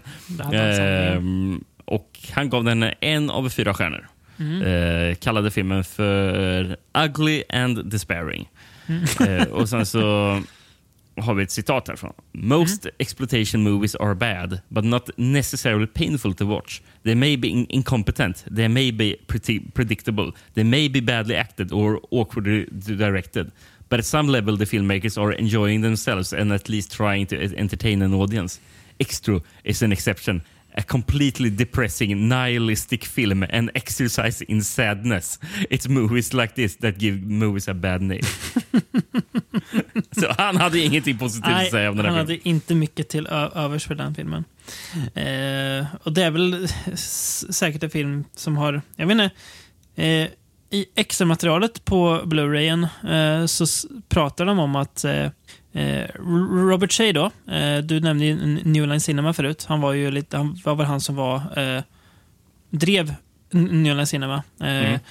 Han eh, fick väl nys om den här filmen och eh, dels köpte väl in den men också var med och producerade den. Så han, han förköpte väl in den till den amerikanska marknaden och var sen med och producerade den. Och det är väl hans eh, idé då att, eh, det, det skriver Roger också, att eh, Robert Shea ville typ ha sin egen fantasm och, och ett av hans krav då på filmen var att någonstans i, i filmen måste det vara en svart panter med som hoppar på någon. Eh, och Harry Robert Davenport tänkte ja, jag har, jag har väl inget att säga till om. Så det är också en, en, en, en scen som bara... Som inte har någonting nu, med det. Nu finns det svart panter som attackerar någon. Jaha, är det utomjordingarna som gör eller? Nej, ing, ingen aning. Men han, Och något annat han, konst, konstigt inslag är den här kortväxte clownen som Ja, jättemärkligt. hjäl- hjälper Tony. ja, ju- och, och den här eh, leksakssoldater som börjar leva och eh, skjuter en av grannarna. Ja. Också jättemärkligt. Men i alla fall, han säger här att den här filmen gick väldigt bra i USA. Och eh, jag tror att New Line Cinema vid det här laget, det här är några år innan eh, Terror Elm Street, mm, gick väl ganska dåligt och att den här filmen typ var med och räddade Line lite från att, eh, att gå under. Att den, att den drog in så pass mycket pengar på den amerikanska marknaden att de, de eh, fick ett bra stabilt underlag. Och utan New Line hade vi ju inte fått eh, Street och väl heller inte Sagan om ringen va? är väl också New Line Cinema tror jag. Precis. Mm. Så att, eh, ja, vi har extra att tacka för mycket kan man säga. Men, ja, eh, men, men vad hette han producenten du pratade om? På Robert, Robert Shea. Ja. Eh, För jag läste om att det var någon annan producent också som var inblandad. kanske var Mm. tid, i tidigare skede eller någonting. Eh, Newline kanske gav dem mer pengar eller någonting. Ja. Men i början tror jag det var producenten Mark Forstater Mm. som, men som hade varit i kontakt med Harry Bromley Davenport, alltså Mm. regissören. Eh, ja, för det var Harry Bromley Davenport som hade kommit till Mark Forstater med ett manus Mm. som var skrivet av han och eh, Michelle Perry. Mm. Eh, Michelle Perry är även känd för att ha skrivit den här kanadensiska kattskräckis-antologifilmen The Uncanny från 1977. Den vill Mm. Man ju se. Den, Känd den verkar ja. riktigt häftig. Den har jag faktiskt i hyllan någonstans här, tror jag. Men du inte sett den? Eller? Nej, jag tror, vi, jag tror att den eh, finns på tapeten i, till något kommande avsnitt. Mm, härligt. Mm. Det, det, är väl bara, eller, det är väl bara kattrelaterade an- Ja, eh, delar i den här antologin. Och Peter Cushing är med, tror jag. Oj, ja. Mm. Eh, nej, men, eh, för tydligen hade eh, de tidigare mötts eh, på någon screening av Mm. eh, Davenports re regidebut Whispers of Fear. Mm. Eh, som han, producenten Mark Forsyth blev imponerad av. Mm. Men då tog han in två andra manusförfattare, Ian Cassie och eh, Robert Smith. Och, och inte alltså Robert Smith från The Cure, kan vi förtydliga. Tyvärr inte Robert Smith. Tyvärr Tyvärr inte. Det hade varit kul. Ja. Eh, men och, så att själva grundtanken med, eh, med eller grundhandlingen var väl intakt, men sen så la de här nya, de här två nya manusförfattarna la in alla, mm, fyllde med, med så här märkliga inslag och sånt. Mm. Man kanske kan tacka dem för mycket av det väldigt konstiga som Ja, precis. Det förklarar en del var- varför det blir så himla, en så himla spretig film, kan man väl eh, Mm. kalla den för. Det finns ju en väldigt eh, snygg grej när han, eh, farsan, eh, det är ju typ när han har kommit tillbaka. Då Mm. ringer ju han eh, ja, sin gamla fru då, Mm. Rachel. Och han ringer ju henne från en telefonkiosk. Mm. Eh, och sen när man klipper tillbaka efter samtalet är slut så klipper man tillbaka till en tom, tom telefonkiosk och då ser man att telefonluren han höll i har smält. Mm. Det, det, det, den, den detaljen gillar jag. Det var Mm, mm, väldigt snyggt. Jag tror att de, de säger det på extramaterialet också, att han faktiskt fick bränn, brännskador av att hålla i, i, i den här telefonen. För att den, den smälter ju faktiskt. De, de hade Ja, någon- smälter den när han håller i den? Det, det tänkte jag inte på. Nej, men efter. Men att, att, att, att jo, jag tror att den, att, att den började smälta. Ja, för att annars finns ju ingen liksom anledning till att nej, den skulle- Att, eh, att, att, att de hade någon grej i den som eh, liksom satt, som värmde upp den så mycket inifrån att, att den började smälta. Så han fick Ja. eh, lite brännskador, men, men tänkte ja, det var, det var väl värt det. Det blev en, en cool effekt och ja, det blev det också. Mm. Ehm, Han, han, han som spelar eh, pappan förresten, eh, Philip Sayer. Mm. Eh, mm, han är inte bara med i värst mycket alls, men han är med i Tony Scotts eh, The Hunger. Mm. Eh, men men han, han dog ju bara 42 år gammal Mm. i cancer 1989. precis. Eh, men och då så- såg jag den här grejen. Eh, Brian May. Mm. Och nu för omväxlings skull eh, här i poddens historia är det faktiskt, är det faktiskt eh, Brian May från Queen och inte den Mm. au- australiensiska just, filmkompositören. det, just det, den andra ja. Nej. Ja, precis. Eh, Men nu var det alltså Brian May från Queen som Mm. deltog på minnesstund för Philip Sayer. Mhm. Trots att jag förstod som att han aldrig ens har träffat sig. De var inte vänner eller någonting. Men de Nej. har aldrig träffats. Så jag vet inte riktigt varför han fick för sig att gå på den där minnesstunden. Eh, och efter det så fick han i- idé och då blev inspirerad och skrev han till sin soloskiva skrev han en låt som heter Just One Life som en tribut till Philip Sayer. Just one life, and I'm so glad to know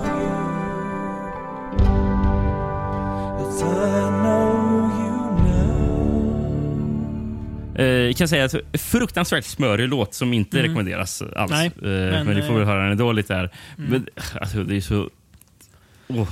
Eh, texterna, det är inte, det är inte, inte stark text, det är inte stark lyrik på den här. Your talent came flowing through the stories they tell and through the faces of those who loved you so well. Ja, nej, det är ju...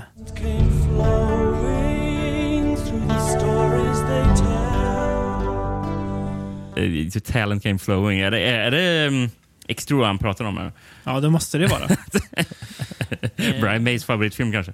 Eh, det kanske var därför han gick och såg, eh, eller var på hans minnesstund. Precis. Sen så har vi ju han, som- hon som spelar frun. Eh, Spelas ju Bernice Stigers. Mm. Eh, inte så mycket jag kände igen på henne, men eh, fyra bröllop och en begravning. Ja, Eh, ja. Och, det är något. och otro, ot, oväntat nog, huvudroll i Lamberto Bavas Macabre. Mhm. Eh, Det var lite, det var lite oväntat. Sen så tror jag att det måste vara hon som är typ au pair, eller vad hon ska föreställa att hon är. Mm. Eh, spelas av Mariam Diabo. Mm. Eh, tror hon har varit med i någon Bondfilm. Mm, precis, det kan det är hon. Ro- Ro- Yes. Roger svara på. Eh, Det är hon. Typ li, Living Daylights eller något sånt där. Ja, precis. Ehm, men, men Mariam Diabo, eh, kusin till Mike Diabo. Mhm. Och vem är det då? Ja, det Jo. undrar man ju. Mike Diabo sjöng 1966 till 69 i Manfred Mann.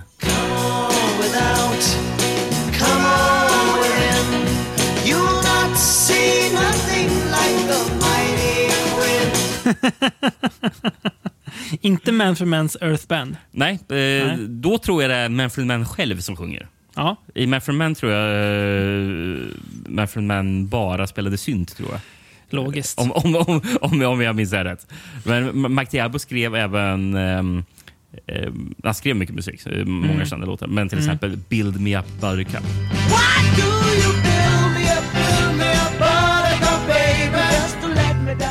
Ja, den ja.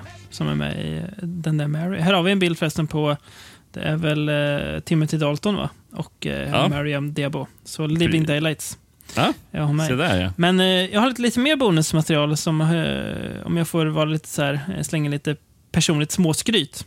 Eh, eh, när jag var i London 2013 tror jag, eh, så träffade jag, jag skickar en bild till dig nu, när jag står bredvid den här mannen, Tim Dry, som ju Mm. då spelar, eh, håller upp här nu, jag har ju hans autograf också, spelar då eh, det här Mm. monstret. Sen jag inte, på den här autografen står det Tim Dry is extro. Jag vet inte riktigt om den här varelsen är extro, men, men eh, man tog in två, eh, Tim Dry och en till, som, de var, jobbade ju typ som meme-artister. Eh, Meme-artister. De, som- de spelade även något band som var sån här meme-show inblandat i någonting som heter uh, Chock. Eh, Kä- Känns lurigt.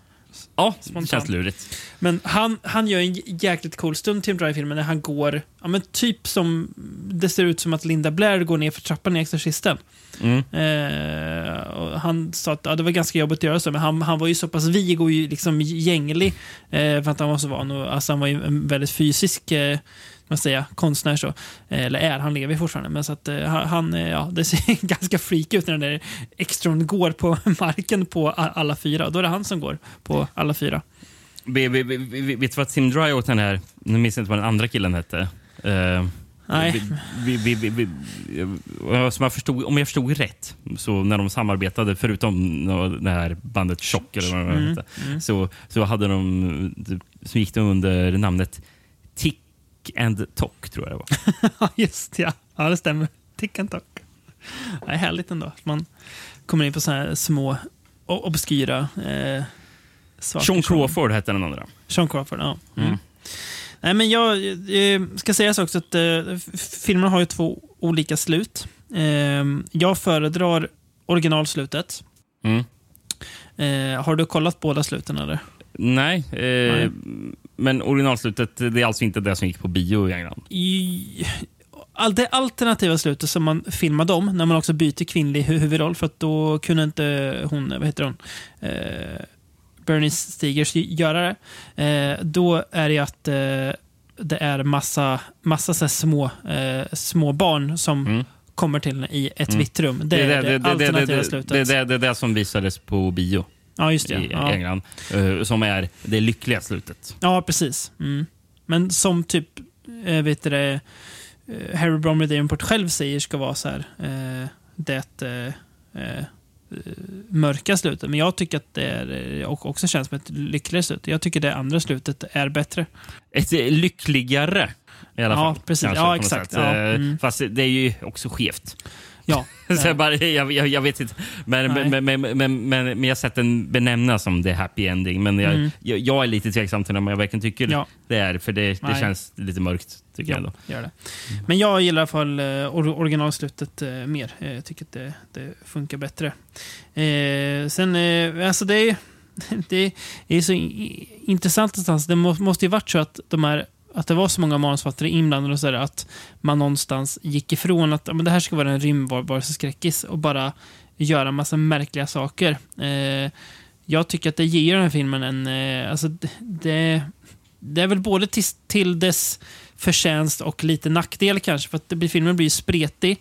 Men jag tycker att den, den, det, det gör också att den får en eh, väldigt egen karaktär. Eh, vi kan väl i alla fall hålla med att det finns ingen annan film som Extra. Sen kan man väl eh, tycka olika om det är eh, bra eller dåligt, men eh, det, det är ju en eh, speciell liten film det här. som Man, man förstår ju varför den har blivit en, eh, en kultfilm eh, i efterhand. Eh, Ja, ja, det det, som, det, det går fullt att förstå. som många pratar om. Eh, Eh, Även Port har ju själv sagt att han inte eller att han typ skäms över filmen. För han Mm. menar ju att eh, det fanns inte liksom, eh, alltså med, alla, alla konstiga grejer som hände i filmen, det fanns ingen symbolik bakom den eller någonting, Nej. utan det, det är bara omedvetet att det är konstigt. det bara är det. ja. Det, det är snarare ja. att de inte riktigt kunde... Eh, eller ja, han, han sa att han och hans, han och hans medförfattare var eh, höga på droger när de skrev manuset och skrev bara in eh, vilka konstiga idéer som dök upp i deras huvud. Ja. Eh, Jag tycker inte att man behöver... fast, alltså- fast, fast samtidigt har han sagt att han inte är... eh, För han, så, alltså, alltså, han säger att, så, att han är embarrassed, men han säger att Mm. han inte är unhappy med filmen. För, eh, han- för han är ändå stolt över eh, dess rykte som, som den har fått för att Ja. vara en äcklig eh, Mm. eh, skräckfilm. Så, ja. Mm. Det, det, det är liksom, både, han, han, ändå liksom, han, han skäms över det, men är ändå stolt Mm. över, över, över sin le, över legacyn. Ja, precis. Märklig Men, men, men, men, men, men någonting han ska, borde vara stolt över det är faktiskt Mm. soundtracket för som han Mm. själv har gjort. För jag Mm, tycker det är mm. riktigt bra Ja, jag soundtrack tycker också.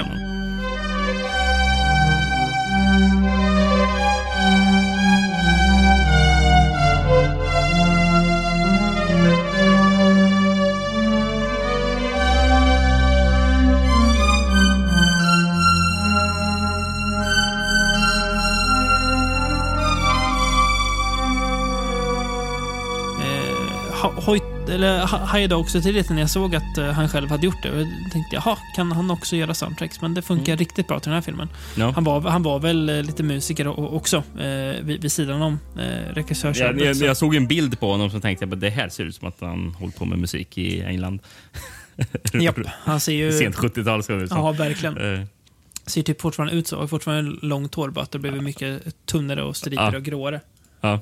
Som sagt, Extra gick ju, verkar ju ändå ha gått rätt bra eh, i USA. Och då, Det brukar ju innebära att eh, man smider medan järnet är varmt och gör en uppföljare. Och eh, ja, gjorde man inte riktigt här va? Eh, eller? Nej, det, eller, ja, man, man smed inte när järnet var varmt, fast man gjorde en uppföljare. Man gjorde en uppföljare. Eh, 1990. Är det det? Jag har 91 skrivit här. Ja, men- det kanske, ja, men eh, någonstans där. Det, är- det, kan jag faktiskt- det dröjde i alla fall eh, till ett nytt decennium innan eh, nästa film kom. Mm. Eh, som då är Extra 2, The Second Encounter. He's been watching, craving human contact, silently waiting Dawson, what's going on? Respiration is getting faster. Back off from it. Back off until we can scan it. for a chance to return to Earth. Life form detected. Only one person detected. Where the hell are the others? Now, he's back. And he's ready to open up a whole new reign of terror. In the long awaited sequel to the successful home video sci fi classic, Extro. He's hungry, and he's back for seconds. Extro 2 The Second Encounter. Väldigt eh, tråkig Det får man lugnt säga. Un, undertid. Det var bättre om de bara hette Extra 2, känner jag. Eh, ja, eh, nej men det, det, det, ing- ingen dundertitel. Nej. Sen kan jag inte direkt säga att det är mycket dundertitlar på de alternativa heller. Nej. Italien, utomjordingens återkomst. Eh, Grekland, den andra kontakten. Mm. Inte ens grekerna var roliga här. Nej. Eh, Portugal, Extra 2, slutdestinationen. Mm. Japan, utomjordiska krig. lite kul ändå. Ja, li, lite kul. Eh, Titeln är inte så bra, men det är ov- oväntat land som den Mm. sista titeln kommer från. Iran. Ja. Fara 2. En andra kollision. Ja. Det känns härligt att folk i eh, Ayatollans Iran gick och såg eh, Extra 2. Eh, gör mig Mm. li, li, lite glad ändå. gick och såg. Jag kan inte tänka på att det här var bio. Nej, kanske inte gick, gick på bio. Men jag, jag tror att den eh, har väl släppts på bio i alla fall, va? Fast kanske inte i... Ja, ja, ja, ja det, tror, jag. det har den gjort. Mm. Men eh, det såg ut som det. Ja. Kanske Men eh, det jag blev lite överraskad över. Mm. Jag hittade en svensk VHS på den här. Mm. Eh, vad har du för bolag på den VHSen då? Sandrews. Sandrews. Mm. Då, då förstår man att den är 90-tal. Sandrews känns väldigt 90-tal. Mm. Eh, sen står det Part Alien, Part Predator, All Terror. Och, Mm. Sen är det någonting bakom som ser väldigt mycket ut som en xenomorph. Mm. Eh, och sen är det citat från LA Times. Chockerande som Alien, specialeffekter som Terminator. Det är, så, Eh. må, det är många gånger man har liksom kört med, med det där. Att det ska vara som de här två sto, storfilmerna. Eh, fast, och, och så är det en så här halv eh, ob- obskyr tidning som man inte riktigt orkar kolla om den finns. LA Times, ja men den, den finns väl tänker man. Mm. Ja, Ja. här kommer det. 800 meter under jordens yta pågår ett topphemligt amerikanskt försvarsexperiment. Experter har hittat öppningar mellan vår värld och en helt annan värld där ute. I det, svarta, I det stora svarta okända. Vad man inte räknat med är att främmande livsformer och organismer också kan använda sig av dessa öppningar. När det kommer hälsa på oss har det bara med sig en sak. Terror! Det var det. Ja, det var det. Mm, Nej, det, nej, står, det en det står en liten ruta också. Extro Mm. 2 är en sci-fi... Nej, Extro 2 är sci-fi-rysaren som gick rakt upp på den engelska topp 100-listan över mest uthyrda filmer tillsammans med bland annat JFK av Ol- Oliver Stone. Det här Det- är topp Kan ju- 100-listan. Kan ju alltså innebära att den låg på plats 100. Det är så otroligt svagt att komma Ja. på topp 100. Precis. Och, och också så här, tillsammans med bland annat JFK. Så här, ja, jo men... Då, då, då, då, då, då tänker den som jaha, den var på samma lista som JFK. Den var ju bra. Ja, Eh, så då måste ju Extra 2 vara jävligt bra. Undrar hur bra de där knepen funkar egentligen. Eh, alltså just de där sakerna. Om man bara, om den här ändå varit på, på toppen i England, då måste det vara så jo men vilken topp? Videouthyrartoppen säkert. Eh, vilket den kanske Mm. var, folk hyrde väl skräck. Ja, ehm, precis. Den här eh, ska sägas eh, att eh, regissören har ju själv sagt att jag hade rättigheter till namnet Extro. Jag ville göra film. Jag kände att jag ville casha in på namnet, så jag gör en film som heter Extra 2 som inte har någonting med Extra att göra. Nej, för det kan man ju lugnt säga att den inte har. Nej, det har den inte. Finns det Eh, ett, ett uns av Extra? Det är en, förutom en utomjording. Det är Ja. det, det, men det är ju liksom... Det är ju, ja. Eh, och den är... Mm, Men det, nu är det en kanadensisk eh, produktion, va? Mm. Det är inte eh, Storbritannien vi nej, precis. Eh, och det ser man ibland på en av eh, skådisarna, som måste vara kanadensare. Eh, Jan Michael Vincent. Ja, precis. Han måste ju vara kanadensare. Som, Alltså- som, vi, som, vi, har- som vi har eh, pratat om i White Line Fever, i det här Mm. eh, Precis. Trucker-avsnittet. Och När, eh, eh, Ice Cream Man, när han spelar mot Just det, eh, han är ju där också. All den Men, finaste. eh, finaste Clint, ja. Men jämför eh, Jan Michael Vincent, eller JMV, som jag har valt att förkorta honom här. Eh, hur han är i White Line Fever, ung, hungrig, med hur han är i Extra 2. Alltså, han, är så, han ser ut att vara så trött på livet i den här filmen. Han Det är fattades så, som att han eh, var också, eller livet Ja. kanske inte var trött på, men han var trött Nej. på eh, filmen. För Mm. Harry Bromley eh, Davenport har ju sagt att han var otroligt svår att jobba med. Mm. Eh, han, han fick väl typ alltså, ge honom lin, alltså, hans lines Ja, för till ja, varje han, scen. han, han, han brydde sig inte om att lä- lära sig alls Nej. manuset. Så varje scen så fick han säga vad han ska säga. Sorglig grej att det kan Ja, Falla så. inte. Eh, Och sen så Tara Buckman är med. Hon, hon Mm. är väl morsan i Silent Night, Deadly Night. Mm. Och även i Hon- Flashbacks i tvåan. Då. Ja, just det. Mm. Viktigt att, det är bra att du nämner det. En viktig, viktig, viktig del där. Ja, just det. Hon som blir eh, mördad av tomten där i bö- början, ja. Mm. Ja. Eh, sen hon hon är även med i Rollercoaster, också viktigt att nämna. Det är viktigt att nämna eh, med den fina, fina låten. Eh, eh, är det av, eh, av bandet Sparks, va? Eller? Sparks, ja. Precis. Mm. Det ska jag nog lys- lyssna på sen, tror jag. Eh, gör det för sällan. Ja, nej men det... Alltså, filmen är ju inte direkt till video om jag förstått rätt, men jag tycker att den, den känns som att den är direkt till video. Den, det ser ut att vara en direkt till, till videofilm. Den utspelar sig ju typ bara eh, i det här eh, stora underjordiska militära eh, den här ba- ba- basen. Och det blir... Alltså, jag, jag, hade lika gärna kunnat trott att det skulle föreställa att de var i rymden. Eh, Ja, det, ja, precis. Är det någon... Skillnaden här från typ hur man fick till det i Seminole är att här väldigt tråkiga mil miljöer. Det är inte, inte att, att jag tycker att det är så här jättedåligt typ setdesign och så. Det är bara, det är bara, det är bara tråkiga miljöer. Där. Det är så tråkigt att kolla på. Det, det, det, det, det är ju det som egentligen, om det, inte att, om det hade varit andra personer bakom men, men filmat i samma miljöer. Mm. Det är ju samma miljöer som i typ eh, Shocking Dark. Vet vet du vad, jag satt precis och tänkte på exakt samma film. Att det är samma miljö. Det är precis, e- exakt, det, är, det skulle, nu är det nog inte det, men det skulle absolut kunna vara exakt samma plats. För det ser, det ser precis, det är bara att i Bruno Mattias händer blir det någonting annat än vad det blir i... Skillnaden är väl att Shocking Dark förmodligen är inspelad i Rom. Ja, så är det. Och det här är säkert. någonstans i mm, Vancouver eller någonting. Ja, eller någonting. Ehm, det, det, det man kan ge filmen, eh, det är väl att eh, när man väl får se det här eh, monstret sen, det ser, det ser ändå rätt coolt ut. Eh, ser inte ett dugg ut som eh, eh, det är ettan, eh, så då fattar man ju ännu mer att ja, okej, det här är något helt annat. Den heter bara extra för att den gör det. Ehm, men jag, jag tycker att, alltså, filmens stora problem är att den känns, eh, känns så himla generisk. Alltså väldigt, väldigt, väldigt oinspirerad. Eh, Ja, men alltså, när du nämnde med att eh, oh, men den kommer väl på bio. Men Mm. den känns ju som att den där skulle kunna vara direkt till Ja, men eh, exakt. eh, Det ser- video verkligen. Eller direkt till tv känns det som. Ja, det också. Den, borde, den både känns och ser ut som, som det. är, Liksom. Mm, Eh, mm. och det, jag vet inte, alltså det, det, det brukar vi prata om att det har en charm. Eh, men... Eh, Ja, men inte alltid. nej, precis. Eh, vi kanske övervärderar den egenskapen lite ibland. Eh, nej, det här är...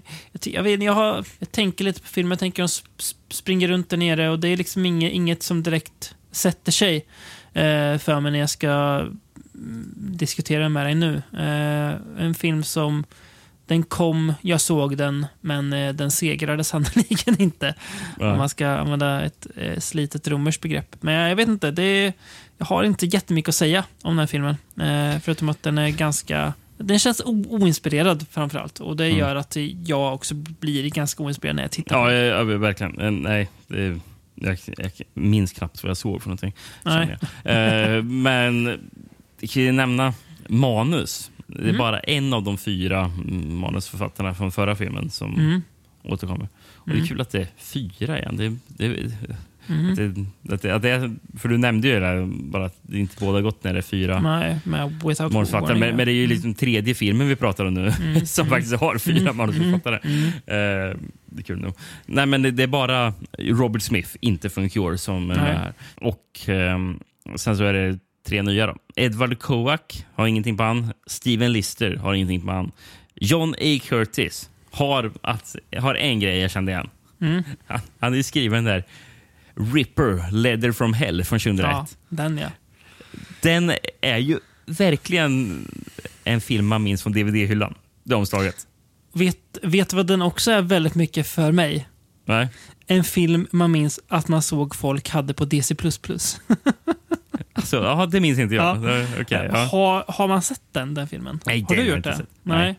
Men är det en neoslasher eller? För det Jag handlar ju om eh, är någon uh, Jack the Ripper copycat. Ja. Fan, men jag, nu blir jag svinsugen på att, att se den här filmen. Jag blev också väldigt sugen. Eh, Jävlar Och sen, sugen såg, omslaget ser ju också ut, vilket även bidrar till eh, neoslasher-känslan. Det är ju att omslaget ser ut som Urban Legends väldigt mycket. Ja. Du ser vem som är med i den, den filmen va? Jürgen Prochnow. Vad gött att du tar samma person som jag tänker på. Fy, goa Jürgen Prochnow. Jag, jag, jag, tror, jag, tror, jag tror det stod någonting om att han spelar polisen Kelso. Ja.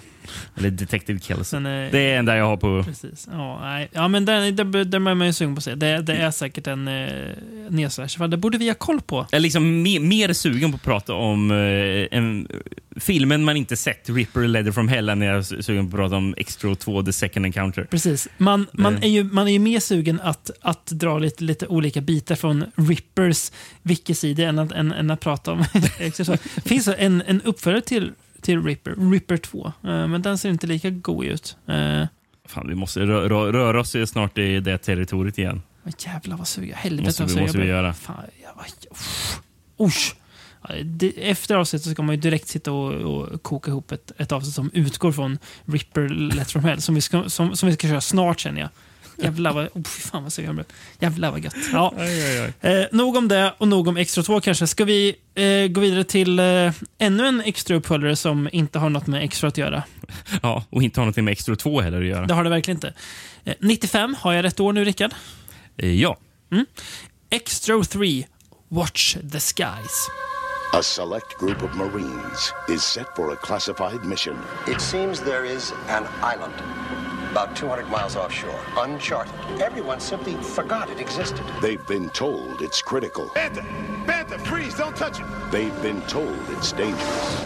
But they haven't been told the truth. A United States government cover up is about to be exposed. Something they tried to hide, something they tried to destroy, is very angry. If you thought it was over, think again. Extra, watch the skies. Ändå lite bättre titel. Eh, ändå jag. lite cool. Alltså så här, eh, har, har ändå någonting. Grekland körde på Det kommer från ovan. Mm. Och Ungern körde på Extra 3, Skräcken fortsätter. Mm. Det var de enda två jag hade på den här. Mm. Yes, Men ja, det är Harry Bromley Davenport igen. det är det. Tror bara en manusförfattare nu, Daryl Haney. Mm. Eh, så nej, det här har jag inte mycket på. Men omslag. Mm. Eh, hittade jag återigen en svensk VHS. Det var ju, enligt Svensk Filmdatabas så var ju det också premiären i Sverige. Eh, Ja. Den släpptes Det kan jag tro. ni- Eh, svår, 97. svårt, att se att det här gick på bio. Ja, precis. I Sverige. Um, taglinen Från ett helvete. Sen så jag sitter en prislapp, eh, 29 kronor, eh, som sitter över så jag kan inte se hela taglinen. Men Nej. så, någonting från denna jord kommer en rädsla. Mm, någonting än din värsta mardröm. Mm. Eh, och det här är Egmont Film förresten som har släppt Mm. Löjtnanten Mar- Martin Kearns nya order kommer från högsta ort. Han ska samla en grupp soldater, segla till en ö, liten ö i mitten av Stilla havet och hittade bomber trupperna lämnat efter sig under andra världskriget. Han hittar något helt annat. Han hittar ett slakthus. Någon har utfört topphemliga experiment på den lilla ön och något har gått helt snett. Och i det ögonblick han hittar de skinnflådda kropparna i en någonting jag inte kan läsa för det är suddigt. Eh, det första fasansfulla... Rungar det första fasansfulla skriket. Eh, det första av... Kommer det någonting, någonting som kommer att bjuda innan dagen är slut. På ön finns en främling som är grymmare än någon annan jorden har känt och han uttörstar efter hämnd. Mm. Och Sen så, så har du uppföljaren till de två första rymdsuccé eller rysarsuccéerna fortsätter i högsta fart. Extraresan från en annan dimension är tillbaka för att få uh, flå vår jord, kanske det står. Ja, det kanske ska ja. Mm. Mm. Ja, men det var bra eh, sammanfattat, tycker jag. Eh, jag tänker vi ska börja med lite skådisar här, Rickard. Eh, Mm. Jag tycker vi ska börja i filmens, filmens början. Eh, den här filmen börjar, tycker jag, väldigt eh, kul eh, med en prolog eh, i svartvitt. Det ska vara lite så här 50-talsgrej. Med ny- ny- nyhetsinslag om eh, en ung man som då säger sig ha hittat ett, eh, ett, eh, en fallen rymdfarkost. Men där får han sen dra tillbaka och säga att nej, det gjorde, det gjorde jag inte alls det. Och den här unge mannen spelas av en väldigt ung, det här är ju eh, innan till och med Freaks and Geeks, eh, Martin Starr. Eh, jag satt och tänkte Hans andra filmen- film. Hans andra film, ja. Jag tror han hade en film 92 också. Ja, då måste han ha varit jäkligt liten. Eh, Jag tänkte när jag såg den filmen, är det Martin Starr? Nej, inte kan han dyka upp här. Och så bara, jo, det var ju visst han. Ja. Eh, men eh, kanske ännu viktigare är ju att eh, eh, fine mannen eh, Andrew Divoff är med i den här filmen också. Mm, Som, det blir man eh, glad av att se. Det blir man glad av. Eh, våran goa, den äkta och enda för oss då, Wishmaster, eh, är med här. Eh, men sen, och det här... Vi, vi, vi, vi, vet du vad Divoff eh, sysslat med sen 2017? Nej, men jag vill, men jag vill veta. Han startade då bryggeriet Freemarm Brewing Company som man kan besöka om man är i San Bernardino. Ja, alltså, och gör öl, eller? Ja. Oj, jäklar. Det måste man ju, ju jo- jobba hårt för att, eh, att få tag på någon av deras öler. Då, då, ska Ja. man ju, då, då ska man ju gå in där och, och bara dra, massa goa one-liners från eh, Wishmaster om det går hem. Jag tror också, men jag, jag tror det här var innan han startade bryggeriet, men att han typ Mm. samarbetar med någon eller någonting. Så han måste ju vara ölins- öl, glad länge, Andrew Mm. Divoff. Mm. Eh, men och ty, tyvärr går inte den att få tag på, men den hade jag ju så gärna haft. Mm. Eh, för han var med, med och tillverkade en öl som var Wishmaster-inspirerad, som hette Ja. Gins Hella Brew. Make a wish. Ja, det har man väl haft. Eh, en tredje skådis värd att nämna. Eller, e- egentligen är jag inte det, men det är ändå värt att nämna. Ja. Eh, och Det är kul för på X-materialet, och det är enda det jag skrev upp på X-materialet, att eh, Harry, Ron och Dave sitter och skrockar glatt över att de lyckades få med den här skådisen. Man övertalade producenterna att, att få med den här skådisen för att han är så väldigt lik sin bror och därför ska vara med honom. Och det gjorde att Jim Hanks är med i den här filmen. Ja. Och ja, han den, är ju- Den, den, den, yng, yngsta Hanks-brorsan. Vet du vad den tredje eh, Hanks-brorsan, Larry Hanks, sysslar med?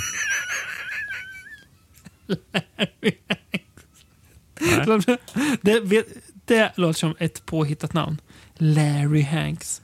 Är Jim Hanks med i den här goa filmen eh, du, när vi pratade om skådisars bröder som gör filmer? Nej, Nej. det var ju en tv-serie för övrigt.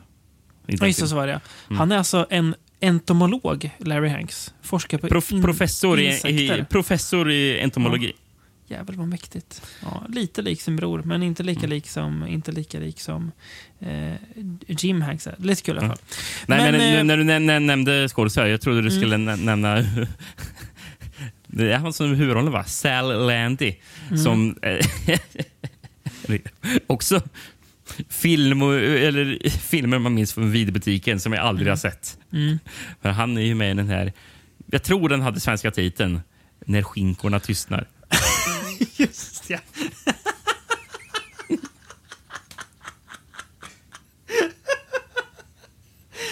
Silence of the Hams, ja. Just det. Ja. Lite, lite i samma kategori som, som den Plump Fiction som kom. Kommer du ihåg den Ja, också? ja oh, fy fan ja. Den, den såg man också på, på videokassett stå där. Man. Och man var, Att fast folk kunde man, gå och hyra det där. Det, ja, men, fast man var mycket mer liksom barnslig på den tiden, man var ändå aldrig sugen på just de, någon av de nej, två. nej, det var man inte. Skinn. Just ja.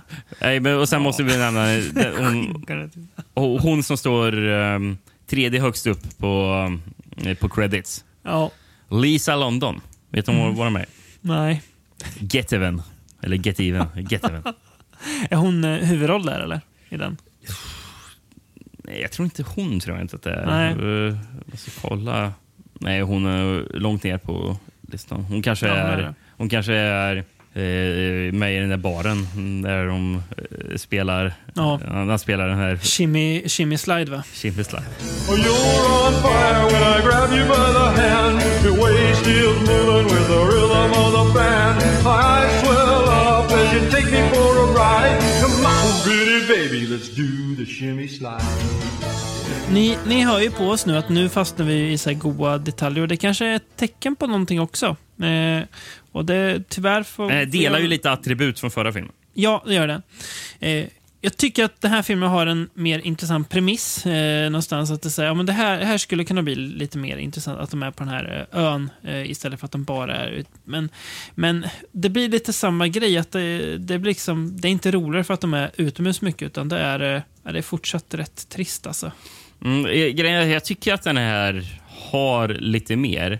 Ja. Men det som drar ner den här filmen, det, det är lite dess eh, längd. Det, den Mm. borde inte vara en timme och 37 minuter. Den hade kunnat vara en timme och 20 minuter. Den hade varit max. Ja, ja, jag håller det, med. det hade inte behövts mer. Eh, Då hade- jag, jag, jag tycker den verkligen trampar vatten.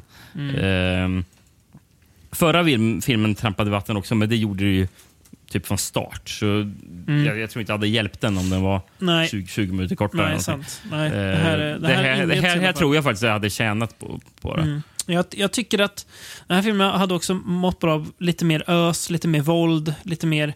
Eh, Ja, men precis. Jag, jag tror det är det som drar ut det mycket. Mm. Mycket sådana scener de bab babblar mm, som inte är så intressant. Det, det här. Precis. Eh, och utomjordingen ser ju ja, eh, mest fånig ut, men också lite goig. Men ser verkligen inte ut som något jätte, jättefarligt hot. Eh, kan jag inte säga. Eh, jag hade inte blivit jätterädd om den hade dykt upp. Eh, då ser ju både den från eh, original Extra och eh, den i Extra 2 eh, otäck ut i så fall. Men eh, ja, nej. Men det, Det det, blir- är ju helt ändå otroligt att de här tre filmerna vi pratat om i rad är gjorda av samma regissör. Mm, jag vet. Det, är- det är ändå lite häp häpnadsväckande att det är det. att han höll fast i den där eh, eh, franchisen och eh, körde på. Eh, fast eh, han kanske borde ha eh, lämnat den istället. Men ja. Ja, men det, det, det känns som att man har typ... I den här, Mm. Nu, till skillnad från förra som bara var så här bara, nu ska vi göra en enk, väldigt enkelt, uh, ska vara... Ja, men det, det, det, det, ska vara en utomjording som uh, jagar folk Mm. i, i rymden nästan, fast det är under jorden. Men, eh, men, men det är så väldigt straight forward. Den här Mm. filmen känns som att man har försökt mata in allt för mycket. Mm. Det är så mycket idéer. här, Mm. Som att, Mm. som, det, det, allting får inte plats. Nej. Eh, Harry Bromley Davenport, överraskande nog, har sagt att att av de här av de alla tre filmerna vi pratar om nu så är Extro 3 easily his favorite. Mm. Eh, svårt att se varför. Ja. Ehm, Sen jag fattade, sen, sen eh, i många år så ju, han också pratat om att eh, han vill göra en Extro 4. På hans wiki, står ju Extro, the big one. Det tycker jag att de Men, inte ska men, göra. men, vilket är så här bara... Ja, om de här tre filmerna hade haft någonting med varandra att göra så kanske Mm. det hade varit en, en, en, en filmserie som var värd att man bara, Åh, jag vill Mm. göra. Jag Mm. efter, efter, försöker göra någonting mer med det. Mm. Men alltså, till exempel, jag förstår ju varför man ville göra mer Fantasm, även fast Mm. jag inte tycker att Mm. det lyckades med det man gjorde i slutet på Fantasm. Nej, men, jag, nej. men jag förstår ändå poängen med att göra Ja, det. det finns, ju Eh, något, det, det, det finns ju något där att... Eh, att be, alltså, det finns ju i alla fall en story där att ta vidare. Ja, Eh, precis. Men bara, det är ingen som tänker bara åh, jag måste se extra uh, sto- storyn landa Nej. i en sista film. Nej, så är det verkligen. Så att, ja. Nej, det är, det är märkligt. Mm. Ja. ehm, ska vi gå vidare till avsnittets sista film? Eh, lämna Ja. Extra-tåget bakom oss. Och gå till... Kommer jag hålla upp någonting här i kameran, Rickard? Är det en vinylskiva jag ser? Det är faktiskt en, ett vinyl-soundtrack till nästa film som eh, är en stor, en stor gapande käft som eh, dreglar eh, slime och blod. Eh, ganska fränt omslag. Och filmen vi ska prata om är ju eh, från 1983 och heter The Deadly Spawn. First, there was the invasion of the body snatchers. Then there was Alien. Now there is the deadly spawn. It began with a meteor crashing to Earth. No one knew the mystery of the mutant spores it contained. Now they are free. They will grow and reproduce rapidly, eating anything and anyone in their path. The deadly spawn. The nightmare is just beginning. What do you do when unknown terror surrounds you? What do you do when there is no escape? Nowhere to hide from being eaten alive. They just keep multiplying like demon seed. The deadly spawn, extraterrestrial terror. They're full of surprises. And the best is yet to come. Can anything stop these strange creatures? The movie real science fiction fans have been waiting for. The Deadly Spawn want you to see them at this theater soon. They need every person they can get. New from 21st Century Distribution. Rated R. Vem, vem är det som gjort soundtracket till The Deadly Spawn? Eh, det är så mycket som... Vi ser här. Eh, Michael Perelstein är det. Ja, säger man inte så mycket om. Eh, men han har i alla fall gjort det här. En sån här skiva man köpte när, dels när det inte var tull från USA, när skivor inte kostar lika mycket som nu och när man mer all, allmänt hade råd att kunna köpa soundtracket till The Deadly Spawn på vinyl, även om man egentligen inte behöver ha det. Men eh, nu finns det här hemma och då är det lika bra att låta det finnas. Ja, precis. Eh, Eh, mm. Men ja, Dead, Deadly Spawn från 83 då. Eh, Ja. England. Mm. Return of the Aliens, The Deadly Spawn. Nej, ta bort det första där. Och, Ja, Låt originaltiteln bara vara kvar. Mm, den här kommer hon också säga nej till. Kanada. Saken. alltså The Thing, eller? ja, det är ju det. Det är dumt. Kanada. Mm, En till alltså. Mor, mordisk avkomma. Det är ju bättre. Ja. Eh, Grekland. Dödsrelikerna. Det låter som... Det är ju, tänker bara på Harry Potter det här. ja. Ja. Eh, Serbien. Oj. En, en dödlig förlossning. Ja. Okej. Ehm, Mm. Polen. Djävulens lem. låter låter snuskigt. Ja, det, det, kan man verkligen säga. Och den sista. Tyskland. Mm. Cosmo Killer. Det äter allt. Den gillar jag. Den var ändå frän. Man har ju inte ta- tackat nej till en, en tysk sån här Hartbox som det står Cosmo Killer på. Ja, och som stod, äter det väl typ fressen. Så det är som Ja. fressen på omslaget. Det gillar man också. Det gillar man. gillar man mycket. En fransk VHS på den. här, Så det är Mm. alltså ja, saken jag ska läsa. Mm. För även, även i Frankrike så hette den Lechus eller någonting. Lechus. Skräcken börjar i skogen där en meteor har störtat. Två kampare hittas fruktansvärt stympade. Charles, ett ungt geni fascinerad av skräckfilmer, kommer att konfronteras med en blodtörstig varelse som kommer att skrämma sin familj och döda sina föräldrar. Kommer han att lyckas definitivt utrota The Thing? Mm. Ja, du såg det som här The Thing. Mm. Mm. Mm. Ju smart att bygga på en, en populär eh, film där. Ja, eh, ska jag fylla på lite eller vad jag har Ja, skrivit? Men det är, först så är det ett, ett det, den, den berättas nästan lite ep- episodiskt i början. Eh, först är det ett gäng, gäng kampare som ser ett ljus falla från skyn eh, och blir då eh, överfallna sen av de här varelserna som kommer, upp, uppätna. Sen nästa så tar den sig in i källaren hos ett par, eh, ett äldre par, eh, och dödar dem. Och sen då så kommer den till eh, eh, de vi faktiskt får följa sen resten av filmen. Eh, en ung kille som eh, ja, gillar att klä sig till olika monster. Han eh, och hans, det är väl hans storebrorsa som har några kompisar över också va?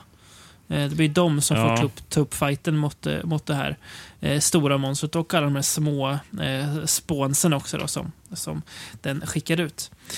Eh, och här, här Rickard, här snackar vi ju om vi tänkte att oj, två miljoner dollar på Inseminoid, det var inte en hög budget. Den här filmen måste ju ha avslutat absolut lägsta budget. Det hade den också.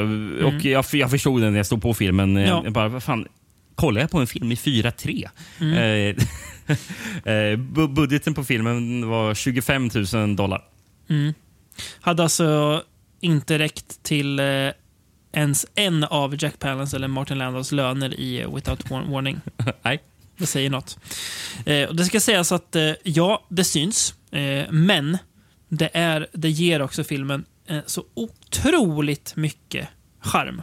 Det här, Ja, alltså, känns... det, det, det känns ju som en shot on video-film. Ja, liksom, på precis. sättet. Eh, ett, eh, ett, här, ett hemmabygge som man har gjort med sina kompisar. Eh, men det är liksom, det är bara det det, det är bara hjärta och sen finns också lite, det finns en del talang också som gör att filmen eh, funkar så pass bra som den gör. Jag Ja. tycker det är en stor skam att eh, Douglas McKeown, som han heter som har gjort filmen, inte har gjort något mer sen. Han, han gjorde bara den här. Jag kan säga de flesta som har varit inblandade i filmen har inte gjort Nej, jag något vet. mer. Eh, det, var, det var ingen stark upplevelse när jag eh, rotade omkring på IMDB och försökte se Nej. vad folk hade arbetat med. väldigt, väldigt tunt på det. Ehm, men det, ja, jag tycker det är trist. eh, för det, här, det, det, det, fanns något här. Eh, det är ju... Det är ju alltså, Fast monstret... jag, fast jag vet vad, en person, eh, han som Ja. var PA på filmen. Ja. Tim Sullivan. Mm. Eh, det står på hans IMDB-sida står det Tim Sullivan began his career as a teenager pumping fake blood for 80s cult classic The Deadly Spawn. Sämre start på Eh, karriären kan man ha. Och han, han har ju gått vidare till att vara eh, producent. Mm. Har eh, till exempel producerat Detroit Rock City och Mm. eh, 2001 Maniacs från 2005. Alltså. Mm. Starka mm, bidrag. Precis, så det är inte så jätteimponerande. Men jag, vad jag fattade som, undrar om han jobbade eh, lite för Fangoria. Mm. För det står att han eh, 83 intervjuade eh, Gene Simmons för Fangoria. Mm. Och då fick Gene Simmons eh, ett prophuvud från The Deadly Spawn Mhm. av honom. Mm. Ja. ja. Det måste ha gjort då. Eller om de tog in honom som en liten kul grej kanske, Fangoria, till det, det numret då. Ja, men konstigt att just han intervjuade Ja, det känns... Ja, Det sant. borde ju någon som skriver för Fangoria. Det, så borde det vara, ja. Eh, men på tal om monstret, det är ju riktigt, jag tycker det är riktigt cool design faktiskt. För det är ju egentligen, det är typ som en stor käft eh, med jättemånga tänder. Eh, som är längst upp på en, eh, ja, nästan lite så här maskliknande kropp ju. Eh, Eh, närmsta jämförelsen man kan göra är väl lite monsterna i Tremors, fast det här ser mycket, Mm. mycket liksom, jag vet inte. Ja, men det, jag, det, det har, har ändå en sån här Mm. Tremors-känsla. Mm. Eh, trots allt. Men här är de inte under jorden. Eh, Specialeffektskaparna är också j- j- jobbat med lite andra. Ska se, nu har jag inte har jag skrivit John Dodds kanske. Eh, bland annat jobbat på Spookies också. Eh, En film som eh, Oh, ju hade ja. väldigt fräna effekter. Så att man kan Mm. ju se att här är någon som ändå visste hur man jobbade med praktiska effekter. Eh, och det, det finns, du sa att det känns lite som en shot on videofilm. Eh, och det är inte bara i filmen ser ut, utan det är också i det här, den här lite offiga stämningen. Att det är nog också så här, lite så här skevt med den här filmen. För det, är- alltså, det är en jätteenkel story egentligen, men ändå så lyckas den vara lite så här, känns lite skev på, på något vis. Så märkliga inslag, typ att den här eh, ungen som filmen handlar om, då ska han helt plötsligt gå i terapi och prata med någon terapeut i en scen om eh, liksom, hur, hur han mår och varför han gör som han gör. Och så, Mm. ja, eh, det är en liten bit av filmen också som man inte direkt eh, gör någonting med. Eh, jag tycker han, ungen är ju, ja, minst sagt skev karaktär, hela han som går runt där. Framförallt en, han har en, en rö- röd kappa han, han har på sig väldigt stora delar av filmen. Mm. Eh, när han ska slåss mot det här eh, stora monstret. Nej, men det är, nej, men det, jag tycker jag, jag gillar den väldigt mycket. Det, Mhm. det, alltså, man känner eh, verkligen att det är personer som bara haft kul när de Mm. det, det, det, det är någonting med att man känner ett gäng vänner som har bestämt sig Mm. för att gö- göra en film. Och, Japp. och, men, men, men trots det så den har ju ändå eh, mer talang än vad de här shot on videofilmerna du brukar få in i podden har. Eh, Ja. Det, det, är, det är ju något annat Absolut. ändå det här. Gud, ja, Det verkligen. Jag håller med. Jag håller med. Eh, delvis kanske det är budgeten som gör att det inte riktigt känns som det. Men jag tror Mm. det har lite mer talang också att Mm, göra. det tror jag också. Det, det här känns ändå lite eh, mer tydligt än vad... Mm. Eh, det finns en tydlighet här. Mm. Eh, men... Nej, så jag, jag tyckte det var väldigt kul. Jag, jag, jag var lite så här, jag hade inga höga förväntningar på det här. Jag tänkte bara, "Åh, det kommer väl vara något nå billigt Mm. sci-fi skräck här med några aliens. Mm. Men det var mycket roligare än vad jag Mm. förväntade mig faktiskt. Mm. Jag, jag tror faktiskt att det här är den jag gillar mest i avsnittet. Men nu-. Nu när jag tänker på den så är det nog kanske det också faktiskt. Eh, Mm. när, jag, när jag tänker på Deadly Spawn så jag får väldigt varma känslor. Jag vet, jag vet inte om du, om du såg det på DVDn, eh, för det är tydligen, den här filmen finns släppt på Blu-ray, men regissören själv har sagt att ni ska inte se Blu-ray, ni ska ha DVDn. Mm. Det, är, det är producenten tydligen som har gjort så att Blu-ray Blu-rayen är släppt. Men regissören Okej. själv säger att eh, DVDn är för, är, ska ni föredra och det kommer komma en Blu-ray någon gång, men vi vet inte när. Eh, Så, ja. Okej. Ja, det var DVDn jag kollade på. bara. Ja, eh, där finns det en eh, liten bonusmaterial, en typ eh, ja, serietidnings-prequel. Kollade du på den? Nej, det såg jag inte. Nej. Då får man ju se vad de här eh, spånsen kommer ifrån. Och Då får man se att de åker runt till olika världar. Eller att de skapas som ett biologiskt vapen eh, för att eh, ja, föra, för, föra ett krig. Och Sen så använder man dem bara för att eh, kolonisera olika planeter och eh, ta över dem och liksom döda allt motstånd. Får Jaha. man se det. Får Ja, man se ja. det. Och, t- också, och, och, och, så, och så slutar det med att den här skickas ut i rymden för den här eh, eh, civilisationen sprängs och den här lilla, enda lilla överlevande spånen då landar på jorden. Och sen så ja, blir det The Deadly Spawn. Eh, har ju en eh, riktigt frän, riktigt cool slutscen också den här filmen. Eh, vi kan väl spoila den ändå eller? Ja, det, det kan vi göra. Det är ju, man tror ju att de har lyckats, eller de har ju lyckats besegra monstret. Vi ser hela filmen. Eh, lyckas få död på det. Kommer ut ur huset. Det börjar komma poliser och så till huset för att rädda upp. Och så kommer han ganska långt bort, eh, filmar huset och bredvid huset så är det en, en stor kulle typ. Eh, som, och då ser man hur den här kullen börjar resa på sig. Och ur den här kullen då eh, så träder en gigantisk sån här deadly spawn eh, Mm. upp. Och då fattar man ju, oj då, nu är de körda. och sen, sen är filmen slut. Så det är väldigt effektivt. Eh, också alltså så här, väldigt cool effekt. Man ser ju att det är miniatyrhus och sådär, men det är, så, alltså, det är så jäkla eff, e- effektivt slut. Fick, mig tänka på eh, slutet på eh, Cabin in the Woods. Ja, precis. Ja, just det. När eh, kommer Sa, sa, samma grej där. en, en jättestor hand var det som kommer då. Ja, precis. Ja, precis. Guden, eh, Ja. Gudarna. Mm, som, just det. Ja, alltså, nej, Spawn är väldigt eh, charmig. Eh, och också en sån här film som man förstår eh, va, varför den har blivit eh, kultförklarad. För den har så himla mycket charmigt som, som pågår. Mm. Eh, Jag såg, det finns ju en film eh, från 1990 som heter Mm. Metamorphosis, eh, The Alien Factor. Mm. Eh, som i, så står In many parts of Asia it was distributed under the name The Deadly Spawn 2, The Metamorphosis. Okej. Ingen aning varför. man, man tyckte att man skulle sälja in det som en uppföljare på The Deadly Spawn av alla filmer. Men Ja, nej, det det är känns, jätte, jätte, eh, jättekonstig grej att bara, oh nu ska vi locka till. Eller, Ja, just, precis, just den filmen ja. Eh, Ja. ja, man kan ju förstå andra så här, så, så man försöker bara oh, låtsas som att det är en uppföljare. Men här förstår jag inte varför man låtsas Nej, nej, jag håller med. Nej, väldigt eh, märklig film att, eh, att eh, försöka sälja in som en upp, uppföljare till. Men Mm. kul. Men det ja, blev ingen uppföljare på The Deadly Spawn tyvärr.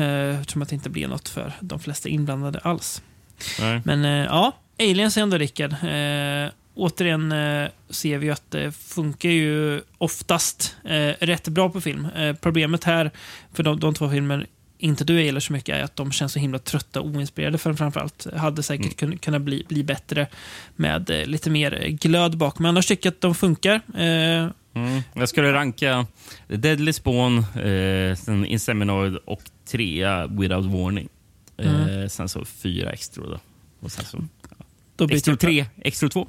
Ja, byter plats på extra och without warning. Annars så... Mm, ja, Without Warning gillar jag överens. mer, mer, än extra. Ja. Det, Mm. Ja, den har ju något annat helt klart. Två väldigt... två- alltså, jag, det det alltså, jag, jag, uppskattar mycket mer det här, ja, återigen för att nämna, den här tidigt 80-tals Mm. slasher-känslan, Mm. trots att det inte är en slasher. Men, men jag uppskattar det där mycket mer än det här skitiga eh, England. Mm. Ändå, det, det, det, det gör jag. Det kan jag köpa. Den charmen eh, som, som finns i Without Warning, Mm. det, det uppskattar jag mycket mer där. Mm, den är god. Ja, men eh, vi knyter väl ihop säcken där då. Eh, Ja, men innan vi avslutar helt, Mm. vi kan bara nämna eh, de flesta har väl kanske redan sett det, eh, men de som inte följer oss på sociala medier, på Mm. Facebook eller eh, på Instagram, kan vi nämna. Mm. Vi har ju våran Patreon. Mm. Har vi. Yes. Och eh, för typ en vecka sedan, så drygt, så, så släppte vi kommentarspår Mhm. till eh, Superman Junior. Eller vad heter den? The, The Return of Superman? Eller? Ja. ja. Eh, Mest- mest känd som Turkish som- Superman. Turkish Superman. Precis. Precis. Mm. Eh, vi har ju pratat om den i podden Mm. när vi körde vårt Turkiet-avsnitt. Yes. Men det var länge sedan och vi ville ju se om filmen, men samtidigt har vi också fått eh, lite så här frågor från lyssnare om Mm. Ja, det skulle vara kul med kommentarspår till Mm. film. Så bara, Mm. Ja, vi provar att göra det. Mm.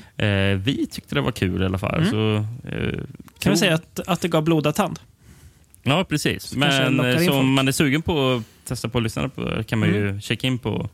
Vad är eh, adressen? Patreon.com snedstreck podcast ett ord.